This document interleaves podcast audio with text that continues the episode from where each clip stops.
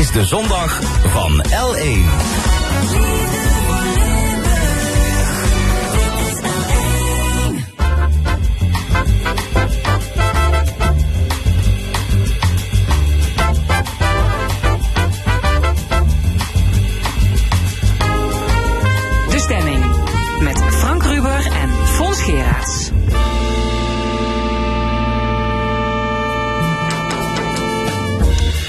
Goedemorgen, welkom bij de stemming. Met vandaag twee jonge boeren, een traditionele en een biologische, over de toekomst van de landbouw.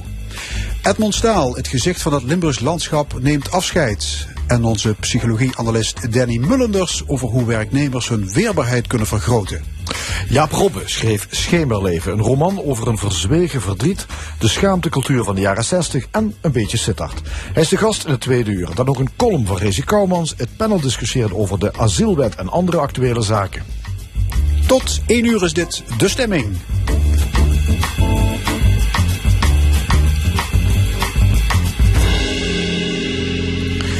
Boeren maken turbulente tijden door. Vooral de veehouders die uitstoot van stikstof drastisch moeten verminderen.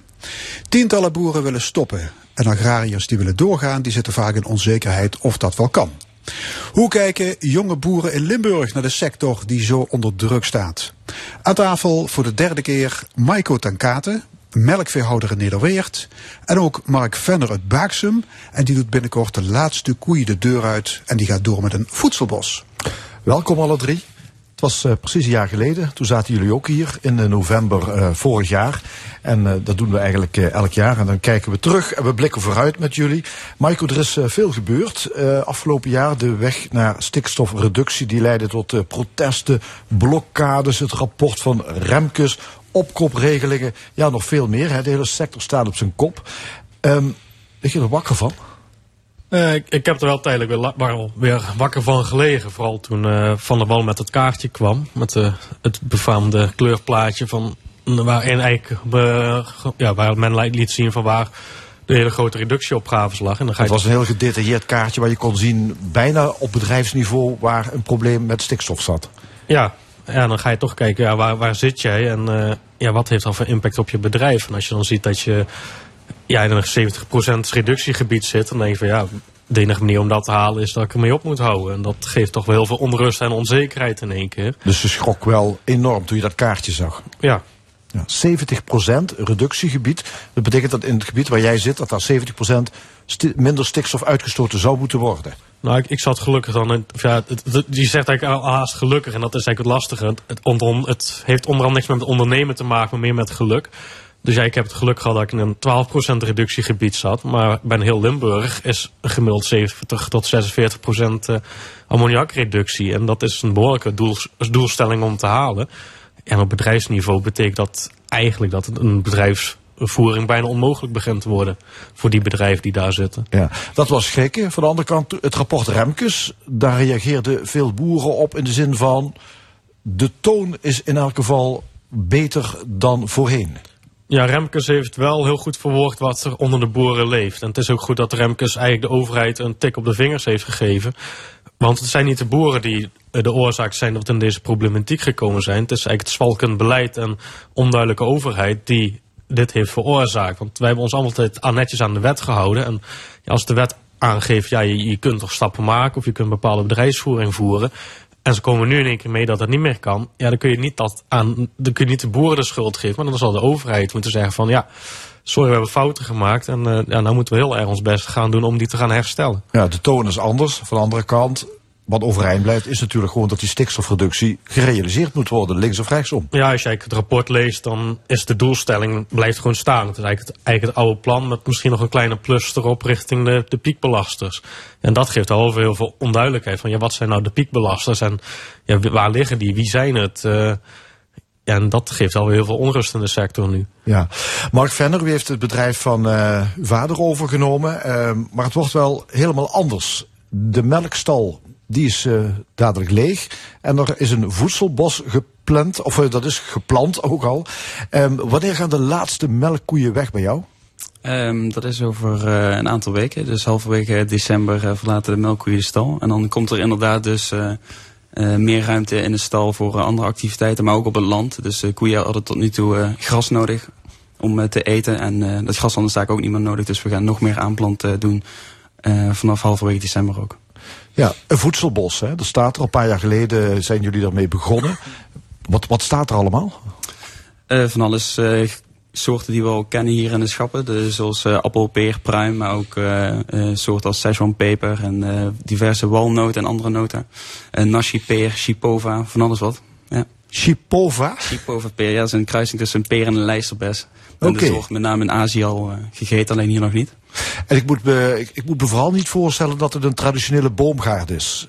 Uh, nee, nee, het is geen traditionele boomgaard. Het is eigenlijk wel op rijen aangeplant, maar uh, dan met een hogere diversiteit. Dus per hectare staan ongeveer 10 tot 15 verschillende soorten en waarvan ook nog heel veel verschillende ondersoorten. Dus een appel heeft meerdere, je hebt bijvoorbeeld uh, een, een, Elstar of wat dan ook. Um, dus, dus daar staan heel veel verschillende soorten op één perceel. Ja, ja en dat, um, de bedoeling is dat dat voedselbos dus eh, productie moet gaan opleveren. Alleen dat duurt natuurlijk wel een paar jaar. Ja, dus sommige soorten die geven al eerder productie, zoals een zwarte bes, een rode bes, appelbes. Maar bijvoorbeeld een Szechuan peper of een uh, peer, dat, uh, dat heeft wel langer tijd nodig, vijf tot zes jaar ongeveer. Ja, ja en zijn die handjes trouwens straks om al die, uh, die peren en appels en, die noten, om het allemaal te plukken en te rapen en dan weet ik veel? Ja, ja dat is ook het voordeel dat, dat we de oogst eigenlijk gespreid hebben. Dus we hebben ervoor gekozen om soorten te kiezen um, waarbij eigenlijk het hele jaar geoogst kan worden. Er zit natuurlijk wel een piek rond september, oktober, maar we hebben het eigenlijk vrij goed uh, verdeeld. En uh, dat moet zeker goed komen. Ja. En dat kan net zoveel opleveren als die 50 melkkoeien?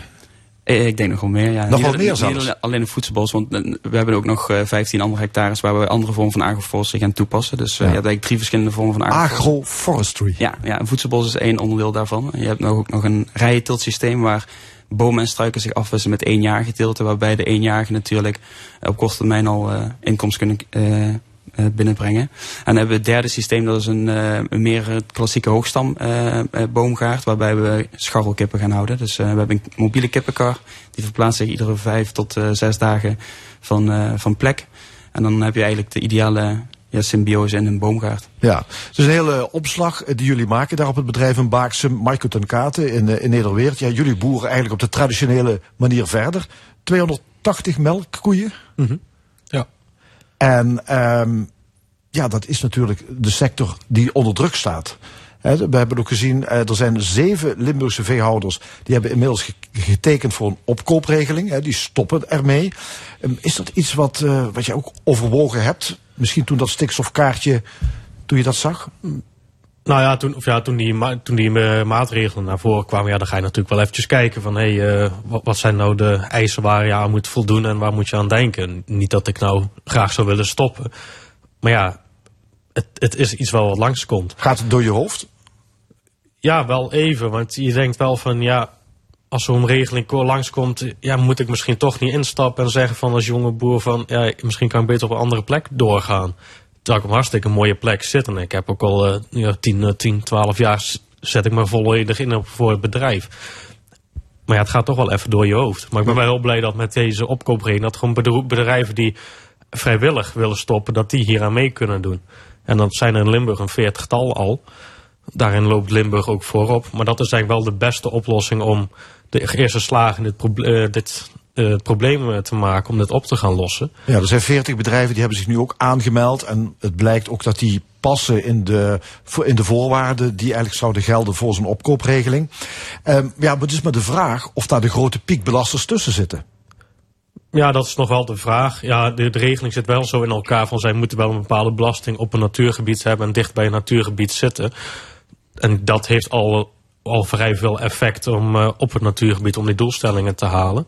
Het heeft weinig zin om een bedrijf die op 10 kilometer van een natuurgebied zit met 60 koeien op te gaan kopen. Want die heeft bijna geen effect op een natuurgebied. Ja. Dus er zullen, er zullen waarschijnlijk ook wel piekbelasters tussen zitten. Maar ja, wie we de piekbelasters zijn, dat weten we niet. Nee, dat weet je niet. Het zou kunnen zijn dat jij zelf een piekbelaster bent. Ja, dat, dat zou kunnen. En dat is juist het onzekere. Want er is geen beschrijving van wat nou een piekbelaster is. En ja, er wordt wel heel veel gekeken ook naar piekbelasten in de agrarische sector. Maar de focus moet ook zijn van er zijn ook industrieën die piekbelaster kunnen zijn. En ja, er moet wel het eerlijke verhaal verteld worden. Niet eenzijdig focus op de landbouw blijven. Ja, hou je daar rekening mee? Stel je bent een, een piekbelaster, wat dan? ja, dan zal het waarschijnlijk betekenen dat het uh, ophoudt bij mij op het bedrijf. En uh, ja, ik hoop het niet natuurlijk. Het, uh, ik, het is niet iets waar je dagelijks over nadenkt, anders kun je je werk helemaal niet meer doen. Maar ja, als het zo is, ja, dan, dan, dan zou ik moeten nadenken wat voor keuzes ik dan ga maken lijkt me toch iets, ja, je zegt, denk er niet dagelijks over na, maar ja, het, het kan dus enorme gevolgen hebben. Het is gewoon einde bedrijf dan. Ja, ja ik, ik, kom op een leeftijd dat ik stappen ga zetten in een bedrijf. Dat ik uh, ja, richting een bedrijfsovername toe ga werken. Ja, dat, dat speelt wel in je achterhoofd. En ja, daar zit ik misschien op een goede plek. Maar als je al wat dichter bij natuurgebied zit, ja, dat, dat geeft ongelooflijk veel stress met zich mee. En ja, die geluiden hoor ik wel van andere boerenjongens die hartstikke mooie bedrijven thuis hebben. Die zeggen van, uh, ja, ik vind het nou te onzeker. Ik, uh, ik uh, ga daar toch het bedrijf niet overnemen. En, en dat is gewoon wel jammer als je ziet dat er bekwame jongen, jongeren zijn die door willen met een bedrijf dat die die keuze maken om niet door te gaan. Ja, Mark Venner, jij hebt echt bewust gekozen om te stoppen met de traditionele melkveehouderij en te kiezen voor dat voedselbos. Waar, waar werd die keuze door ingegeven? Nou, in mijn ogen is het systeem gewoon failliet. En zonder daar een uh, schuldig voor aan te wijzen. Je kan niet aan de boeren, uh, op het borst van de boeren leggen. Maar dat is, is natuurlijk ook uh, ontzettend grote belangen. Spelen daar, overheid heeft daar een rol in gespeeld. maar de gigantische monocultuur, de import, export van producten. Ja, de, de, de bank, de Rabobank, die natuurlijk ja. ook maar geld blijft ja. lenen. Ja. VPRO tegenlicht had afgelopen zondag een hele mooie documentaire. En daar zie je ook in dat, dat er ontzettend veel geïmporteerd en geëxporteerd wordt. En je moet je afvragen of je dat nog wil. We moeten veel meer gaan kijken van wat, uh, en wat is nog wijs om, om op een specifieke locatie te verbouwen en op welke manier. Ja, is zo'n voedselbos voor meer boeren in Nederland een oplossing om het bedrijf voor te zetten als het niet op de traditionele manier kan? Of is, is dat met, met een aantal voedselbossen hebben we dan het plafond, het maximum wel bereikt wat nodig is? Wat, wat... Ja, ik, ik, ik denk dat sowieso boeren uh, zich comfortabel moeten voelen bij die keuze. En ik denk dat uh, heel veel boeren dat, uh, die keuze niet zullen maken. En dat is ook geen probleem. Maar ehm, ik denk wel dat het uh, wel een bijdrage kan leveren aan de doelstellingen die we, die we met z'n allen moeten, moeten gaan halen. Ja, en, er zijn meer mogelijkheden nog om die intensieve vorm van veehouderij in te ruilen voor een extensieve manier van landbouw? Ja, ja in mijn ogen wel, ja. Je hebt dan wel meer grond nodig voor, een, uh, voor hetzelfde uh, hoeveelheid producten te kunnen leveren. Dus dat is dan wel weer de discussie die ga, dan gaat spelen. Maar in principe hebben we in Nederland genoeg ruimte om, om dat anders in te vullen. En dan komt onze voedselproductie niet in gevaar? Nou ja, we moeten naar een ander systeem. En dat, op het moment dat we blijven denken in de huidige kaders, kom je inderdaad niet uit. Maar we moeten eigenlijk kritisch gaan kijken naar ons eigen gedrag. En, uh, en dan zou het zeker kunnen lukken. Ja. Zijn wij beland in een soort race to the bottom met de Nederlandse landbouw? Steeds goedkoper, groter, vervuilender? Nou, sowieso zijn wij niet vervuilender geworden. Want de techno technologie, technologie staat ook niet stil. En we zijn juist steeds schoner geworden. Het ligt er een beetje misschien ook aan op welke manier je het berekent. Per kilo product zijn wij, kunnen wij het schoonste produceren van de hele wereld. Maar ja, we stoten gewoon te veel stikstof uit. Ja, we zijn ook een heel klein land waar we heel veel functies hebben. We zijn heel dicht bevolkt. Ja, we hebben ook vrij veel veehouderij, een vrij grote agrarische sector. Maar ook, ja, dat, dat is het probleem als je een klein land bent en je wil heel veel. Nou, misschien moet je dan keuzes maken en zeggen we gaan dus niet op die traditionele manier door met grote intensieve landbouw. Ja, en die keuze moet dan ook de consument gaan maken. En uh, daar kom je bij het hele deel uit van het moet uiteindelijk wel betaald worden. Want de reden waarom we juist deze stappen hebben, allemaal hebben gezet is van schaalvergroting was eigenlijk de enige manier om bepaalde investeringen te moeten doen die kostprijsverhogend zijn. Ja, dan moet je dus in omzet moet jij dus gaan groeien. Maar als wij meer voor ons product krijgen, dan heb je die groei niet per se nodig om nog een boterham te verdienen.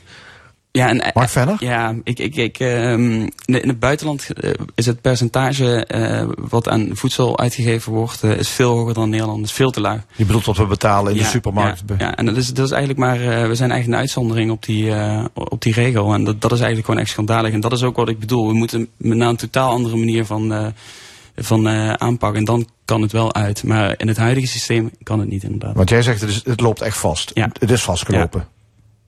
Ja. Ja. En dat zie je aan. Nou ja, goed, de diverse uh, uitdagingen die we, die we. Want nu is het dan stikstof, maar uiteindelijk gaat het ook over water. En er gaan nog zoveel meer uitdagingen komen. Die, ja. Uh, die ja, want er komen nog veel meer, inderdaad, uh, de, zoals jij zegt, er komen nog meer regelingen aan. Bijvoorbeeld het oppervlaktewater moet veel schoner. Dat is een Europese richtlijn. En wat, wat betekent dat voor, voor boeren in Limburg? Um, nou, het zal voornamelijk heel veel impact hebben eigenlijk voor de akkerbouw. En dat, dat is heel lastig aan zeg maar, de kaderrichtlijn water. Wil je die kaderrichtlijn water halen, dan heb je of, uh, of heb je eigenlijk gewoon graslanden nodig. Want daar haal je die kaderrichtlijn water wel. Maar ja, we willen ook akkerbouw hebben. En dat is voornamelijk in Zuid-Limburg. En de zandgrond is dat gewoon een uitdaging. Want ja, het is wat uitspoelingsgevoeliger. En dat is het hele balans waar je moet gaan zoeken. Van, ja, wat wil je dus eigenlijk wel waar hebben? En je kunt geen landbouw gaan hebben zonder enige vorm van emissies. Er zal, Ja. er zal altijd verliezen zijn. Dat, dat, dat is nou eenmaal zo. Maar je moet wel kijken van hoe kun je nog op een rendabele manier en genoeg voedsel, voor, eh, genoeg voedsel produceren met een zo laag mogelijke milieubelasting. Ja, dus nu zijn het de veehouders de, waar vergrootglas op ligt. Maar dat gaat dus de komende jaren ook de akkerbouw worden, begrijp ik. Als we die kaderrichtlijn water, als die, eh, als die streng gehanteerd gaat worden. Ja, maar het ligt ook heel erg van. Heel, we krijgen heel veel water ook van het buitenland. En het is ook de vraag van ja, is het water wat we uit het buitenland krijgen, voldoet dat al aan de normen wat we dan in Nederland krijgen? Want Ja. in Nederland doen we, het heel, doen we het eigenlijk heel goed. Er zijn verbeterpunten, er zijn altijd verbeterpunten. Maar wij kunnen niet het water schoner krijgen dan hoe we het gekregen hebben al. Is, Ja. Die normen Ja. dan ook al laag, laag genoeg zijn. Ja, dus dat water, dat wordt dan een probleem, die, eh, die richtlijn water. Eh, maar ja, kunstmest wordt duurder, krachtvoer wordt duurder, energieprijzen stijgen. Is het voor een boer nog wel te doen om voor te werken? Ja, op dit moment is het nog wel te doen. De, de opbrengsprijzen zijn gelukkig ook wel meegestegen. Maar er zijn wel ja, zorgen die je hebt. En ja, dat, dat zet je ook al een dilemma. Net zoals met de kunstmestprijzen. Die zijn hartstikke hoog geworden. En wij moeten nou dierlijke mest afvoeren. En we moeten kunstmest aankopen. Terwijl je kunt zeggen van in deze gascrisis... schakel die kunstmestproductie af. En zorg ervoor dat je meer dierlijke mest mag uitrijden. Want die is ook goed te benutten. Ja. Mark verder, daar heb jij allemaal geen last van. Dat is, dat is in balans op jouw bedrijf? Ja, als de koeien weg zijn, dan eh, hebben we daar in principe geen last meer van. Nee, nee. We gaan op kleine schalige manier eh, kippen, eh, koeien en varkens houden. Alleen dan heel kleinschalig. Ja, Dus, eh, dan is, de, dan is er een balans. Ja. Mest wat die Ja. dieren produceren, dat kun je weer gebruiken op je, op nee, je ik, land. ik ga verder eh, niks toevoegen aan, eh, aan eh, input. Nee. Niks toevoegen, je hoeft ook niks af te voeren. Nee. nee.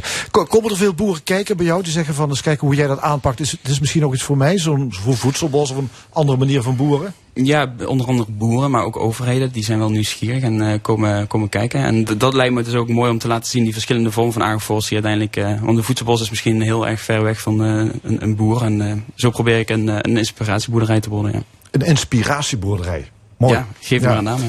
Ja, dank jullie wel. Eh Maaike ten Katen en Mark Venner. Dankjewel. En tot eh, volgend jaar, heren. Goed, zometeen in de stemming onze psychologieanalist Danny Mullenders. Zijn verhaal: werknemers moeten zich niet op hun kop laten zitten en hun weerbaarheid opvijzelen. Eerst label.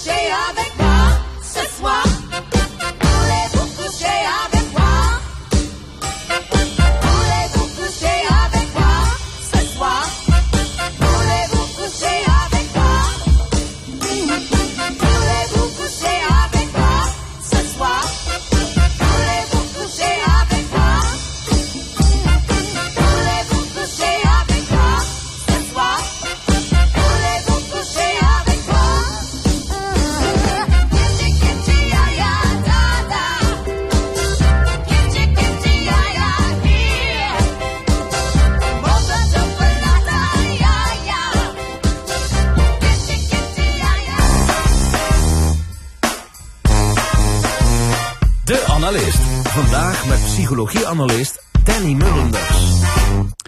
Danny, welkom. Goedemorgen. Je hebt eh, eerder dit jaar een boek geschreven, Laat je niet kiezen, over hoe je als werknemer overeind kunt blijven.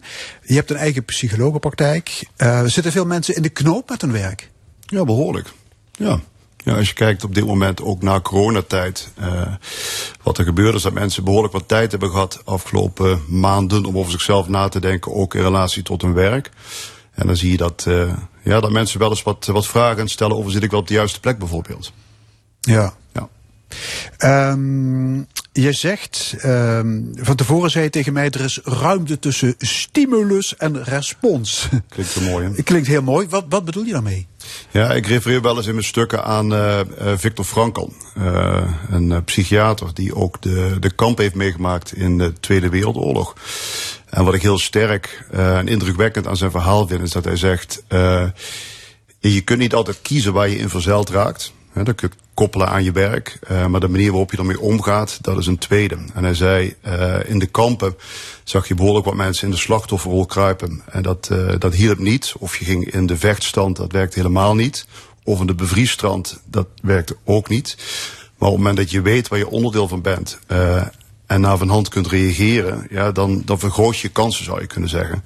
En ik denk dat het ook zo werkt binnen bedrijven. Ja, dus heel concreet, wat, wat moet je dan doen? Ja, kijk, wat, wat goed werkt is als je weet waar je onderdeel van bent. In organisaties hoor ik mensen wel eens zeggen van die baas van mij of die cultuur. Ik zal even de, de lelijke woorden hier weglaten. En dan, dan voelen ze zich echt uh, slachtoffer van alles wat er om hen heen gebeurt en wat hen overkomt. Op het moment dat jij weet uh, dat je je eigen houding kan kiezen naar je collega of naar je leidinggevende of naar die cultuur toe die er is, dan, dan vergroot je je psychologische bewegingsruimte. Zo heb ik het ook genoemd in mijn boek. Psychologische bewegingsruimte? Ja. Ja. Ja, en dat, dat kun je koppelen aan die ruimte tussen stimulus en respons, ofwel de ruimte tussen actie en reactie. Als jij denkt dat jouw leidinggevende niet goed met je omgaat, dan uh, kan je meteen in het verweer gaan en er iets van vinden. Of je kan een hoekje wegkruipen en van een afstand lopen klagen over wat je overkomt. Of je kan het gesprek aangaan daarover. En dat klinkt dus simpel voor woorden. Daar zit ook wel een stap voor. En dat heeft ook te maken met, ja, wie ben ik nou eigenlijk ten opzichte van die leidinggevende? Ik zie behoorlijk wat mensen ook behoorlijk hiërarchiegevoelig zijn. En denken, ja, een baas die mag doen en zeggen wat hij wil. En ik heb te knikken. Op het moment dat je ziet dat dat niet het enige scenario is dat je uh, kan overkomen en dat je zelf ook een stem erin kan hebben, ja, dan, dan wordt het meer gelijkwaardig. Je hebt geen, of je hebt weinig invloed op de, hoe die baas gaat reageren, maar je hebt er wel je ruimte gepakt. Ja. Dus je zegt ook al heb je een narcistische baas of vervelende collega's, je kunt altijd je eigen reactie kiezen. Exact, exact. Het gaat vooral om, om hoe je reageert. En de stap voor mij daarvoor is, uh, en dat zeiden de oude Grieken ook, hè, we zien het ook bij de Stoïcijnen terug. Als je jezelf kent en je weet uh, wie die ander is, dan kun je zo'n beetje inschatten hoe dat tussen jou en die ander gaat. Maar stap 1 van mij is echt zelfbewustzijn. En in het allerlaatste geval kunnen we altijd ontslag nemen. Dat kan. Uh, en dat zie ik ook wel, wel gebeuren in de huidige tijd. Als je teruggaat naar corona bijvoorbeeld, waar we het net over hadden, dan hebben behoorlijk veel mensen ook uh, zicht gekregen op wie ben ik, wat wil ik, wat kan ik. Ze hebben veel tijd gehad om na te denken over, uh, over zichzelf. Hebben dat gekoppeld ook aan de werkomgeving waar ze in zitten. Uh, en in combinatie met een uh, krappe arbeidsmarkt zie ik behoorlijk wat mensen ook mobiel worden en, en stappen zetten. Ja, maar goed, dan ben je wel je baan kwijt.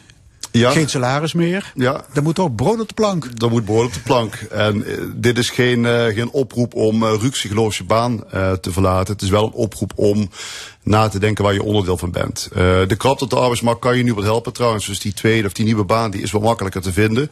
Ik vind dat dat niet het uitgangspunt moet zijn. Ik zou vooral kijken van wie ben je, wat wil je, wat kan je. En wat past daar dan ja, bij? Ik moet opeens even denken aan Emiel Ratelband met zijn chakka. Ja, mooi hè? Zo van als je maar hard genoeg denkt. Ja dat je succesvol wordt, dan gebeurt, dan gebeurt dat ook. Ja, ja, en misschien heb je het boek The Secret ook gelezen. Uh, Byron Katie, tijdje, ik zeg het verkeerd trouwens, maar in ieder geval The Secret. Uh, daar werd ook gezegd van hoe harder je roept dat jij iets wil, hoe sneller het naar je toe komt. Daar ben ik niet van, om even duidelijk te stellen. Volgens mij heb je hard te werken ook om jezelf te ontwikkelen en een volgende stap ook te kunnen zetten. Dus Ratelband die tegen mensen zei van als je maar hard genoeg roept dat jij die post wil hebben en die staat morgen voor de deur. Volgens mij werkt het zo niet. Nee. Maar iedere werknemer, zeg jij, heeft een bepaalde psychologische bewegingsruimte. Hoe kun je die groter maken? Ja. Ja, het zit in een aantal eh, stappen en het is niet lineair en het is niet dat het voor iedereen op exact dezelfde manier werkt. Ehm, wat ik zie bij ons bij ACT, eh, we helpen bedrijven hier in het Limburgse om medewerkers te ontwikkelen. Ook een stuk eh, selectie, daar, daarin helpen wij. En dan zie je dat als mensen zichzelf snappen met hun eigen persoonlijkheid, drijfveren, identiteit, gedrag, kennis, kunde, alles op één grote hoop. En je kunt dat koppelen aan de werkomgeving waar je in zit. En je weet bijvoorbeeld voor jezelf dat je heel gevoelig bent voor kritiek. En je hebt een leidinggevende die uh, heel makkelijk zijn, uh, zijn feedback of zijn advies weggeeft. Ja, dan weet je, dan kan het spannend worden. En dan zou je kunnen zeggen van, dan heb jij aan jezelf te werken en, en wordt wat minder gevoelig. Daarin valt me op als psycholoog dat het ook wel voor een deel samenhangt met je karakter. Karakter is niet makkelijk te veranderen. Dus dan is ook wel eens vaker de suggestie van, uh, ga niet te hard aan jezelf werken, zorg voor een andere omgeving. Hmm. Ja. Dus uh, zelfbewustzijn en, en ook uh, mindset.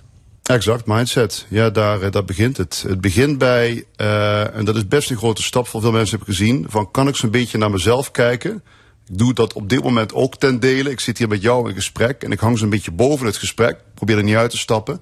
Maar wat, wat wil jij horen? Wat wil je weten? En kan ik daarop iets zeggen? Waar hopelijk de mensen die dit horen ook iets aan, aan hebben. Dus mindset in de zin van ken je je eigen gedachten en ken je je eigen overtuigingen. Kun je die ofwel observeren en er laten zijn, heet dat dan mooi. Of kun je daar een draai aan geven. En als ik hier denk van poeh, het gesprek gaat niet goed kan ik daar een andere gedachte tegenover stellen? Kan ik denken van, nou, ik ga straks met mijn zoon en met mijn dochter naar, naar Sinterklaas. Dat geeft me een goed gevoel. Je pakt eigenlijk dat gevoel over naar het huidige moment. Ja. En het gesprek loopt vaak al soepeler. Ja. ja.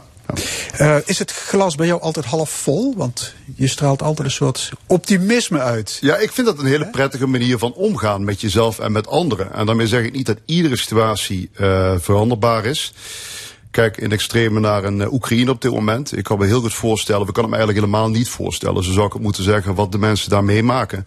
Maar ik probeer aan het klein te kijken. Als ik kijk bijvoorbeeld naar een relatie tussen jou en je collega en dat botert niet. Dan is mijn stelling altijd, je hebt zelf iets te halen. Dus begin bij jezelf. Kijk naar waarom jij reageert op die ander zoals je dat doet. En daarmee creëer je eigenlijk ruimte voor die ander om ook op een andere manier te gaan reageren. Dus de bal ligt altijd wel bij jezelf. Ja. En emotioneel stabiele mensen, hebben die het wat dat betreft makkelijker dan wat instabielere mensen? Uh, dat denk ik wel. Wat je ziet als je naar karakter of naar persoonlijkheid kijkt, dat zijn eigenschappen die niet makkelijk te veranderen zijn over tijd. He, daar word je toch voor een groot deel mee geboren. Dan zie je dat de wat minder stabiele mensen, dus de hele onzekere, onrustige, hyperalerte types noem ik het even, het wel wat lastiger kunnen hebben in een omgeving waarin er heel veel dynamiek en verandering en uh, uh, ja, letterlijk verandering aan de orde van de dag is. Dus die, die hebben vaak, en ik scheer iedereen over één kam nu, maar die hebben vaak behoefte aan een stuk erkenning, aan een stuk structuur en houvast. Ja, dat wordt dan per definitie niet geboden in die context. En ook daarbij kun je zeggen, werk heel hard aan jezelf, maar als het in je karakter zit, dan zou ik zeggen, zoek een omgeving waarin erkenning er wel is. En ja, waarin structuur en kader ook gegeven wordt, dan, dan kom je beter tot je recht. Je bent assessment coach, zoals het heet, hè, in het dagelijks leven. Als je iemand aan het coachen bent, duik je dan altijd in, in zijn of haar verleden? Daar gaan we vaak wel naartoe. Um, daarbij ook, ik werk graag vanuit zelfregie. Met andere woorden, ik schets globaal hoe wij een coaching traject kunnen aanpakken. Vaak werkt dat van bewustwording, hè, jezelf kennen in relatie tot anderen naar helpende of belemmerende overtuiging. Hoe kijk ik naar mezelf? Naar ander gedrag als het al lukt. Sommige mensen willen daar niet aan, aan het verleden, want er kunnen dingen zijn gebeurd. Het verleden maakt vaak gedrag in het hier en nu, maar er kunnen dingen zijn gebeurd die niet prettig zijn. Ja, dan is voor mij de nieuwsgierige vraag.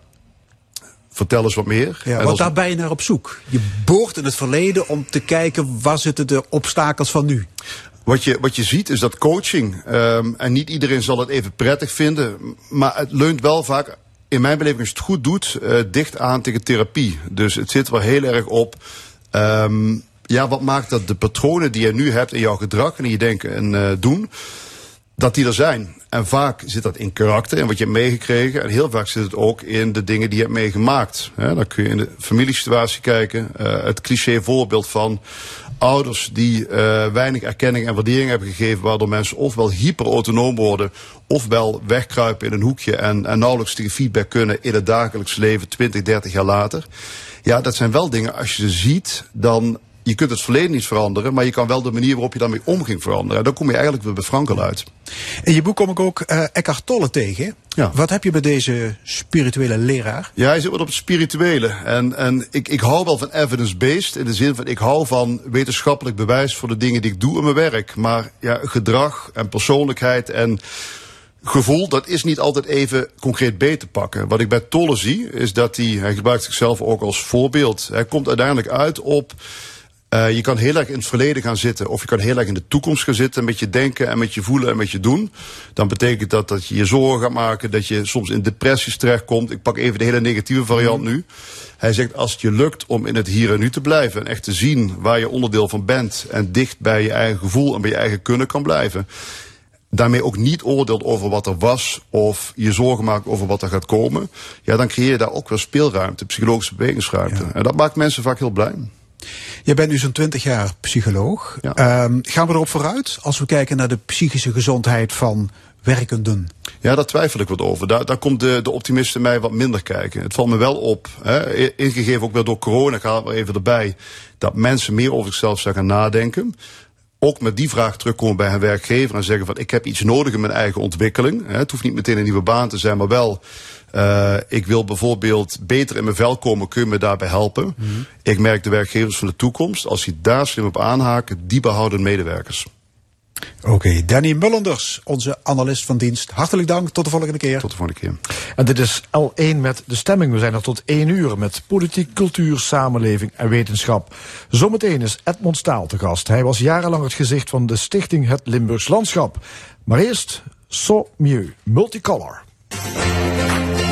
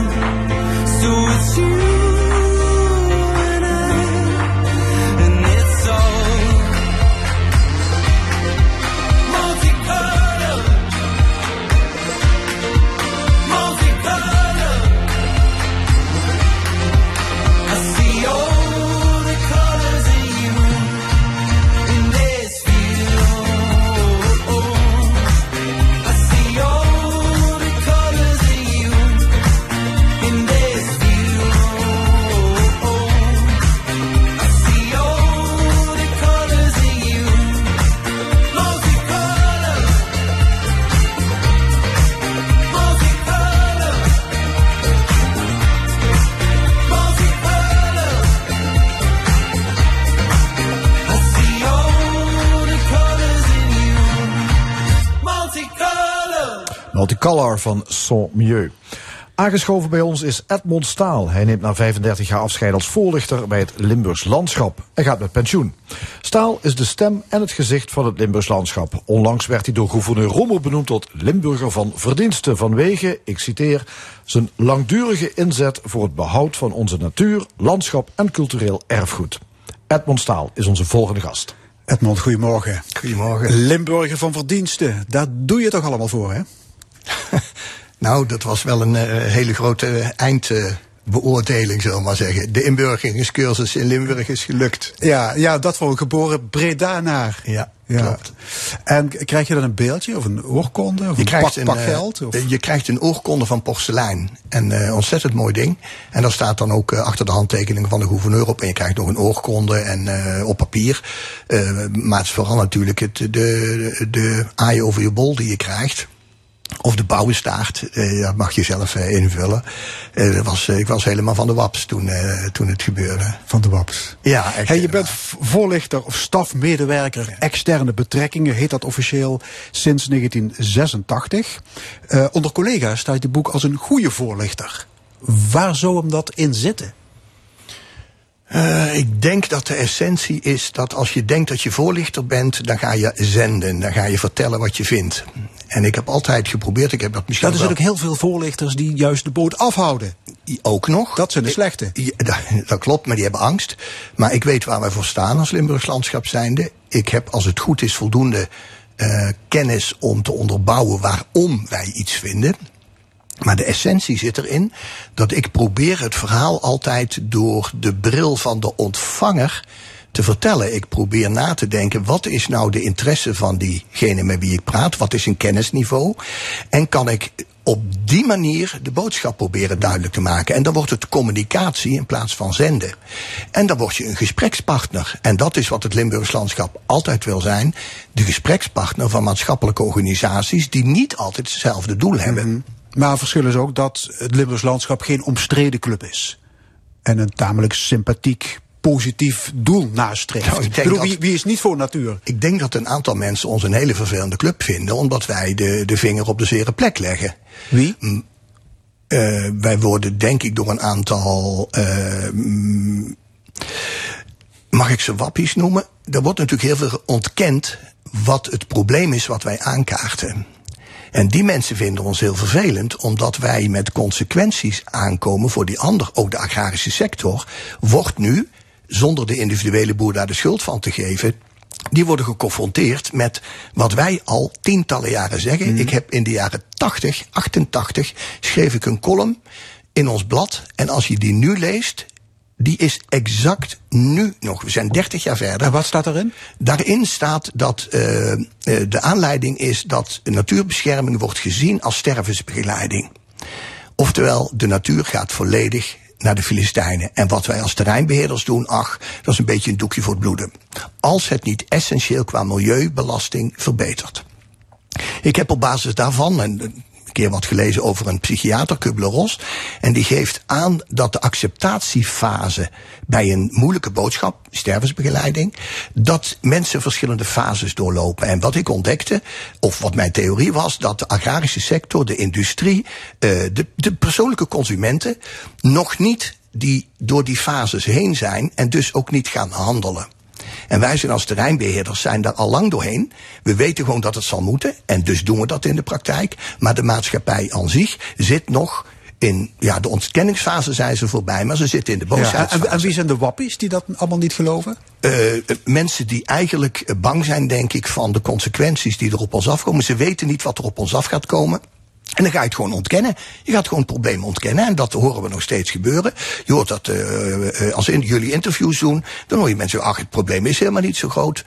Eh, nou, het probleem is heel ernstig groot. Dat is gewoon bewezen. Dus jongens, handelen. Edmond, hoe is jouw liefde voor natuur en landschap ontstaan?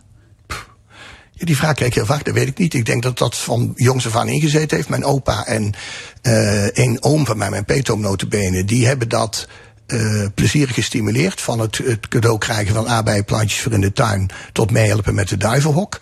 Eh, en ik ben op een of andere manier in de vijfde klas door de leraar, door de onderwijzer meneer Jansen, zijn we een keer naar buiten gegaan, notabene naar een sloot bij ons achter. We wonen naast een boerderij, een grote boerderij. En er was een sloot en daar gingen we kikkers vangen en eh leven de romantiek. En dat, ik was, had dat nog nooit van mezelf gezien. En hij heeft dat opengemaakt, dat deurtje. En eh, toen is dat gaan groeien. Ja, en trek, trek je er nu vaak op uit? Eh, niet meer in onze eigen natuurgebieden, omdat ik dan eh, de verantwoordelijkheid het werk zie. Eh, maar ik ga heel vaak naar buiten, ja, ik Ja. wandel graag. En welk zintuig springt dan aan als eerste? Hangt er helemaal In het groen? Dat kan van alles zijn, dat kan geur zijn, dat kan geluid zijn, zang. Maar het is vooral een soort nieuwsgierigheid. Ik, ik zie ontzettend veel als ik buiten ben. Gewoon omdat ik mijn ogen gebruik. Wat is jouw favoriete plek? Ik zal het niet verder vertellen. Nee, die, eh, die is er niet. Dat hangt van de sfeer af. Dat kan het ene moment, als ik het even qua type landschap, de Hamert op Noord-Limburg zijn, het volgende moment het Guldal. Eh, en het kan ook in het buitenland zijn, eh Ardennen, of, eh, en of het dan regent of niet. Ik ben altijd blij buiten. Ja. Sinds eh, de corona-uitbraak van maart 2020 eh, ja, hebben veel mensen eh, hun directe omgeving eh, ontdekt, zal ik maar zeggen. Eh, ben je daar blij om? Eh, twee richtingen daarin. Aan de ene kant ja, heel erg goed dat de doelgroepen die eh, uit de maatschappij die niet in onze terreinen kwamen, geen band met natuur eh, hebben, die hebben ineens ontdekt hoe waardevol die natuur is.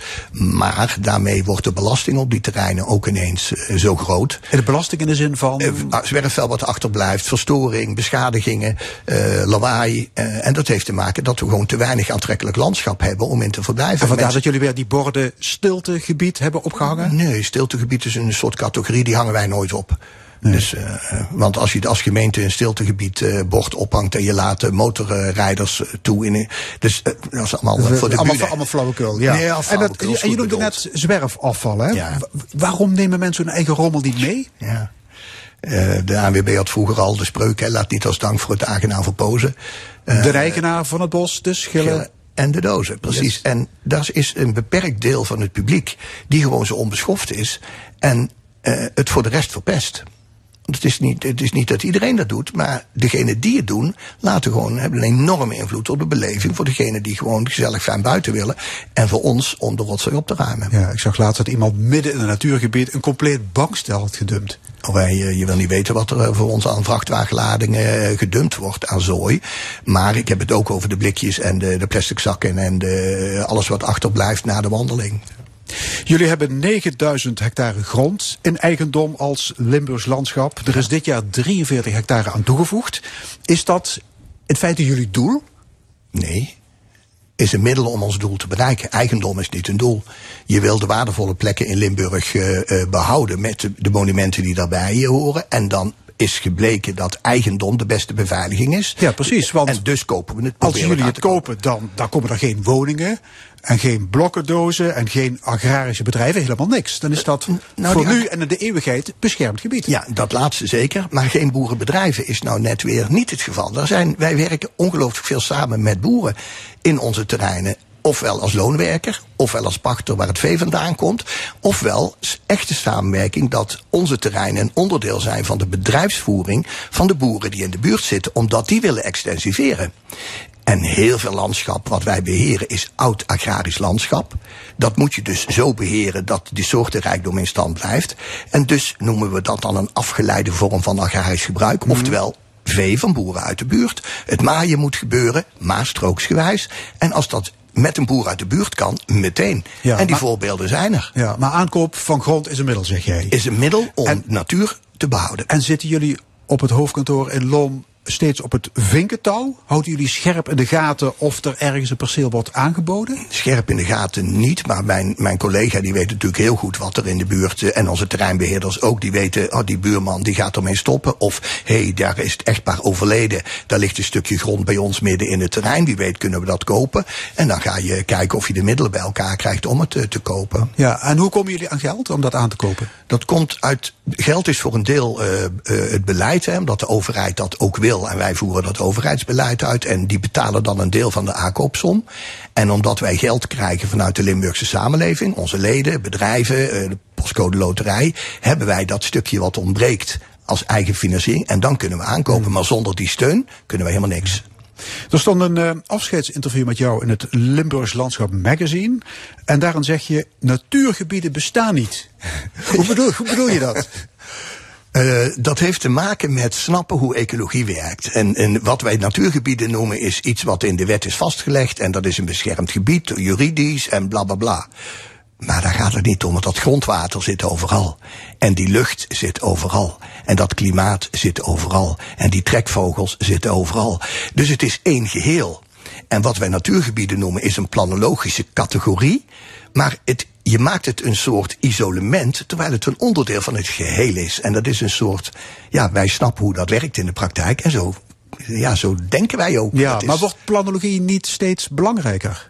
Ik bedoel, Nederland gaat dadelijk terug op de tekentafel. Dan krijgen we stedelijke gebieden en agrarische gebieden, natuur om in te recreëren. Zo gaat dat. Ja, en als je dan denkt dat je dan alles hebt geregeld, dan gaat het fout. En dat zien we dus bij de discussie met stikstof. We hebben gedacht, ach, we gaan wat, wat eh, oplossen bij wat boerenbedrijven, wat technische middeltjes. Maar ondertussen gaat die stikstof gewoon, die ammoniak, en die overigens zeker niet alleen van de landbouw komt. De rockwool is een hele befaamde in. Limburg. Het, eh, maar met z'n allen stoten we te veel uit. En dat komt ook in die natuurgebieden terecht. Maar daar is het eerste de schade zichtbaar. En daar komt het door. Wat zijn de grootste bedreigingen voor het Limburgse landschap? voor het Limburgse landschap is te weinig gevoel voor kwaliteit. Eh, over het Limburgs landschap, de stichting, maak ik me geen zorgen. Want, Nee, nee, eh, maar ik bedoel het eerste. eh, precies. Maar hoe bedoel je, kwaliteit? eh, kwaliteit van, van allereerst de ecologische processen. Grondwaterkwaliteit, die is abominabel slecht. Oppervlaktewaterkwaliteit is abominabel slecht. En dat heeft invloed niet alleen op de natuurwaarde, maar ook op drinkwaterwinning, enzovoort, enzovoort. En wie of wat moeten ingrijpen dan? We met z'n allen. Dat lijkt een platitude, maar we zijn met z'n allen een hele belangrijke eh, veroorzaker van de problemen. Door de producten die we kopen, eh, door de manier waarop we reizen, door de manier waarop we ons huis verwarmen, enzovoort, enzovoort. Maar je mag van de overheid verwachten dat zij de doelen helder stellen om het op lange termijn leefbaar te houden. Zit jullie Ook de politiek genoeg achter de veren? dat, ja, dat denk ik wel. Maar wij niet alleen, dat doet de Milieufederatie, dat doen plaatselijke actiegroepen. Er zijn allemaal mensen die voelen dat het beter moet. En eh, die met oplossingen gaan komen naar de overheid, zullen we het zo en zo doen. En je ziet wel dat het kantelpunt bij de landelijke overheid bereikt is. Of ze het op de juiste manier hebben gebracht, daar mag je over, eh, over eh, twijfelen. Maar het is duidelijk dat de problemen enorm groot zijn en dat we aan het werk moeten met z'n allen. Hoe zal ons landschap eruit zien over pakweg 50 jaar? Eh, Beter dan nu? Eh, ja, maar dat komt voor een deel door eh, de, de waterproblematiek die we hebben, de klimaatverandering en de landbouwtransitie. Ik denk dat die twee ontwikkelingen met elkaar, en die kunnen elkaar heel goed versterken, dat daarin eh, delen van Limburg een totaal ander uiterlijk zullen gaan, gaan krijgen met meer invloed van natuurlijke processen, omdat we simpelweg dat water kwijt zullen, zullen moeten. En dat kan dan voor het landschap een hele mooie inspiratiebron zijn. Je gaf laatst een lezing over de bodem als basis. En dat ging niet over fly of, of pizza, maar eh, eigenlijk over geologie. Wat, wat had je te melden? Eh, dat, is, dat heeft weer te maken met die ecologische kennis, hoe wij naar een landschap kijken. En dan begint het altijd met de bodem. Het zand is anders dan de lus, en dat is anders dan de mergel, en dat is anders dan de kolenzandsteen in het Guldal. En daar gaan natuurlijke processen op eh, doorgaan en dat levert soortenrijkdom op. En dan komt de mens, sinds een paar duizend jaar, en die gaat daarin zitten werken. En die met z'n drieën leveren het landschap wat we met onze ogen zien. Maar dat zit helemaal geworteld in die ondergrond. En als je dat niet snapt, dat, dat je met zandgrond anders moet omgaan dan met lusgrond, dan, dan eh, gaat het fout. Ja, dus het gaat over de geschiedenis van ons landschap. Helemaal. Ja. Maar ook door de ontwikkeling van ons landschap, de toekomst van ons landschap. Waar kun je die gelaagdheid het beste zien? Door, Aan de oppervlakte? eh, door gewoon door Limburg heen te rijden. Want als je op de heideterreinen in Noord-Limburg zit je op het zand. En als je in eh, de Lus, eh, plateau van Margraten zit je op de Lus. En als je in het Gulda gaat wandelen, dan kijk je 300 miljoen jaar de, de aarde in. in de Heimansgroeven. Dat gevoel is voor mij de essentie van mijn werk. Dat ik weet dat wij geworteld zijn in die, in, in die ondergrond en wat daar later op ontstaan is. En dat is bijna een instinctmatig eh, gevoel. En dat is denk ik ook altijd de drijfveer geweest van mij dat ik voel dat ik een onderdeel ben van dat geheel. En dat ik niet de arrogantie moet hebben dat ik zonder dat, zonder dat geheel kan. Wat vind je trouwens van de opgeleide discussie over de wolf? Ja, dat is, daar gaan meer schapen per jaar dood door honden, loslopende honden dan de wolven. Dus allereerst vind ik dat al een onsmakelijke, dat dat niet in, in perspectief gezet wordt. De wolf hoort er als een van de soorten bij. En we zullen dus maatregelen moeten treffen om de gevolgen daarvan.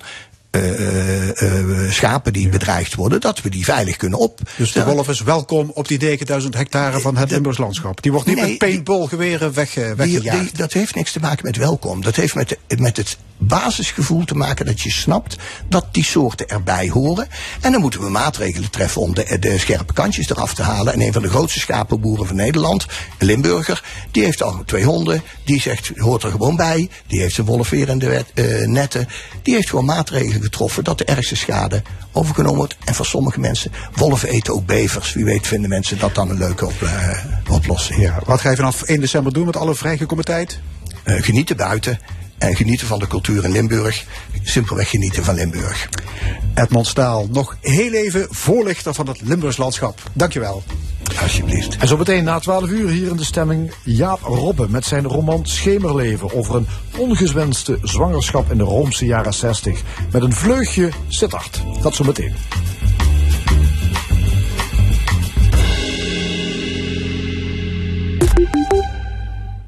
SEMA in Geleen. Al 50 jaar het adres voor uw keuken, badkamer of designradiator. Kom naar de showroom of kijk op sema.nl. Van mini-tractoren tot grondverzetmachines, hoogwerkers en verrijkers. Met Bosmans Machines wordt je werk makkelijker. Huur, koop of lease. Supersnel geleverd uit ons ruime assortiment. Niks leveren, snel leveren. Kijk op bosmansmachines.nl Bij Klaverblad draait het om mensen. Onze arbeidsongeschiktheidsverzekering is er speciaal voor zelfstandigen die met hun handen werken. Als dat door ziekte of een ongeval niet meer kan, helpen wij u met geld of bijvoorbeeld omscholing. Dat is een zorg minder en dat helpt. Vraag uw adviseur naar de gewoon goede AOV van Klaverblad. Een machine huren voor jouw klus? Je regelt het snel op bosmansmachines.nl We doen alles voor de volgende generatie. En daarom rijd je in een Corolla Cross Hybrid SUV niet alleen met alle comfort, maar ook tot 50% van je tijd elektrisch. Stel hem nu samen op toyota.nl. Toyota, let's move forward. Jou helpen gezonder te leven. Dat staat bij ons voorop. En dus vind je op vgz.nl tientallen apps en workshops om bijvoorbeeld meer te bewegen en te ontspannen. Want hoe lekkerder iedereen in zijn vel zit, hoe beter. Ga naar vgz.nl slash gezond leven.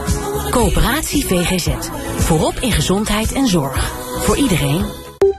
Zakelijk rijd je de Toyota Corolla Cross Hybrid SUV al vanaf 252 euro bijtelling per maand. Bekijk hem nu in de showroom of op toyota.nl. Zes pinguïns, twee giraffen, een pelikaan en een dinosaurus? Ik hoop maar dat dat allemaal door de schoorsteen past.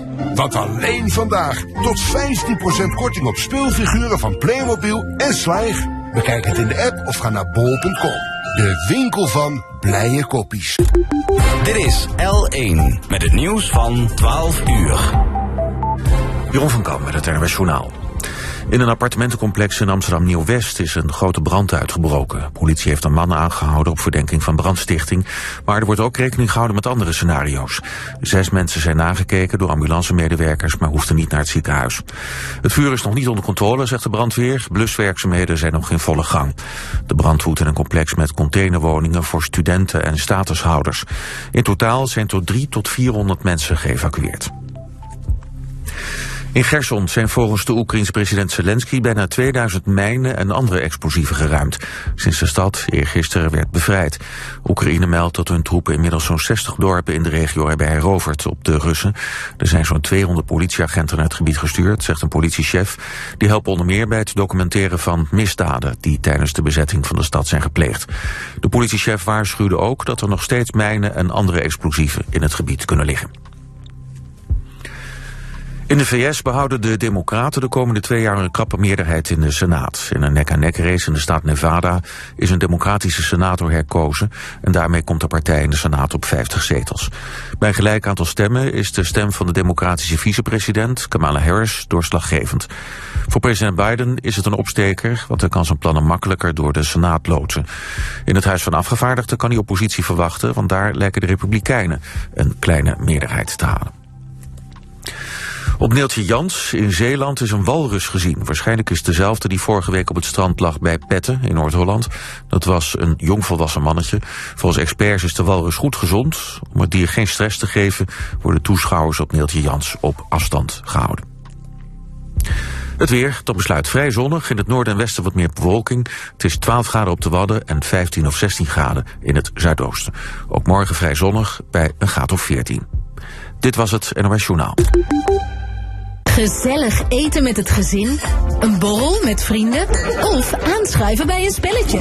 Bij Berden hebben we altijd de juiste tafel. Bezoek een van onze woonwinkels of kijk op berden.nl, zodat het straks goed tafelen is. Afterpay is nu Riverty. Achteraf betalen blijft achteraf betalen. Betaal nu met Riverty in je favoriete webshops. Riverty, het nieuwe Afterpay. Bezoek onze winkel of kijk op berden.nl en profiteer van onze prachtige cadeauactie. Bij IKEA snappen we heel goed hoe je van je huis je thuis kan maken. Zo hebben we een speaker die ook een lamp is. Waardoor je in bed een boek kan lezen en tegelijkertijd naar muziek kan luisteren. IKEA, een wereld aan ideeën. Proef, ontdek en ervaar Mora. Kijk je ogen uit tijdens jouw bezoek aan onze fabriek en ontmoet jouw toekomstige collega's.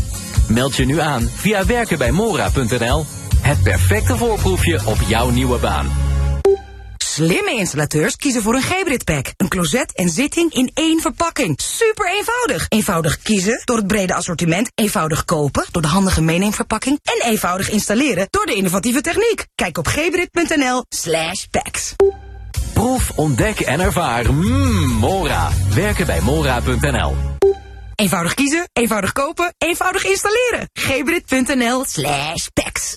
Profiteer dit jaar nog bij Beter Horen van een vergoeding die kan oplopen tot 100%.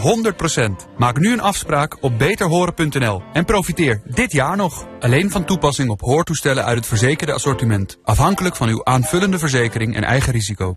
Huilen, huilen, niet slapen, wat kan ik doen? Een telefoonstem stelt gerust. Oh, haar tandjes komen door. Dus iets kouds om op de bijten helpt. Dankjewel, dokter. Trusten, kleintje. Zo zorgen we voor elkaar. En zo zorgt Unive voor jou met dokter bij de hand. Voor als je het echt even niet meer weet. Sluit je zorgverzekering af met deze en meer zorgextra's op unive.nl. Unive, daar plukt u de vruchten van. Dit is de zondag van L1.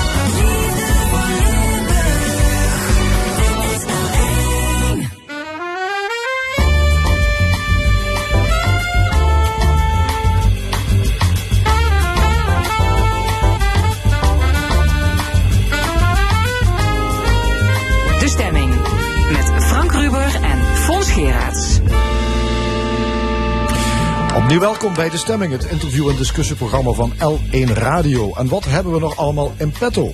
Om half één discussieert het discussiepanel onder andere over René van der Linden als spion van het Kremlin en natuurlijk ook over andere actuele zaken. Er is ook een column van Rezi Kouwmans, maar eerst een zwarte bladzijde uit het rijke Roomse leven. Jaap Robbe schreef een roman tegen de achtergrond van de verstikkende katholieke jaren 60. De strenge moraal van de kerk resulteerde vaak in een hardvochtige opstelling. Zo werden doodgeboren kinderen direct na de geboorte weggenomen bij de moeder en stiekem begraven.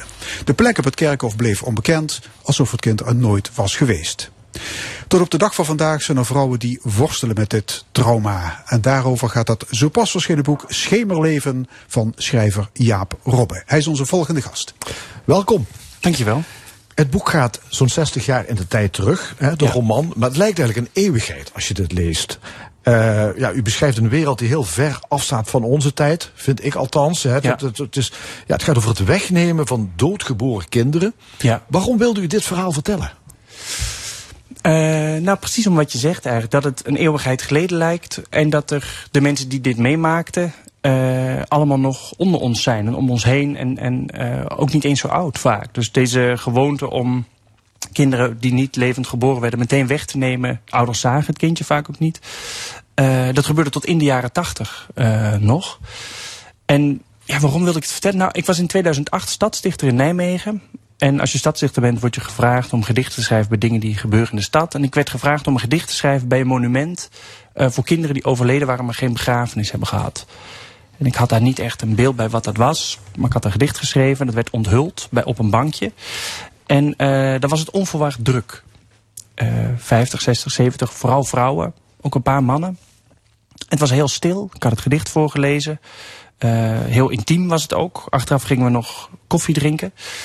En heel aarzelend raakten we aan de praat met elkaar. En veel mensen die daar eh, waren, die, wat ik me nog van herinner, het was 2008, eh, die vertelden, ja, ik heb dit ook meegemaakt. Ehm, het is voor mij al 50 jaar geleden. Ik heb er nooit met mijn man over kunnen praten.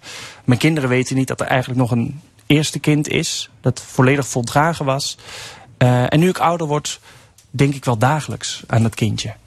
En of, of wekelijks. En er is geen plek waar ik heen kan. En nu zag ik dit in de krant staan. Komt een monument. Eh, ik dacht, dat wordt de plek. En er was Ja. ook een vrouw die zei... ehm, toen, ik, toen, toen mijn kindje geboren was, kwam ik thuis. Het ziekenhuis, de kinderkamer was al leeggeruimd. En die verhalen vond ik zo aangrijpend. Dat ik, ja, ik had nog nooit een roman geschreven. Maar tien jaar lang bleef dat om mijn hoofd spoken. Tot ik een paar jaar geleden dacht, ik moet dit nu gaan opschrijven. Ja, Schemerleven, dat is de roman eh, waar het eh, nu beschreven wordt. Het gaat over een vrouw van zo'n 80 jaar oud, eh, maar die denkt terug aan haar jeugdige romance met een getrouwde man. Allemaal, begint allemaal heel romantisch. Strenge winter op een be- bevroren rivier.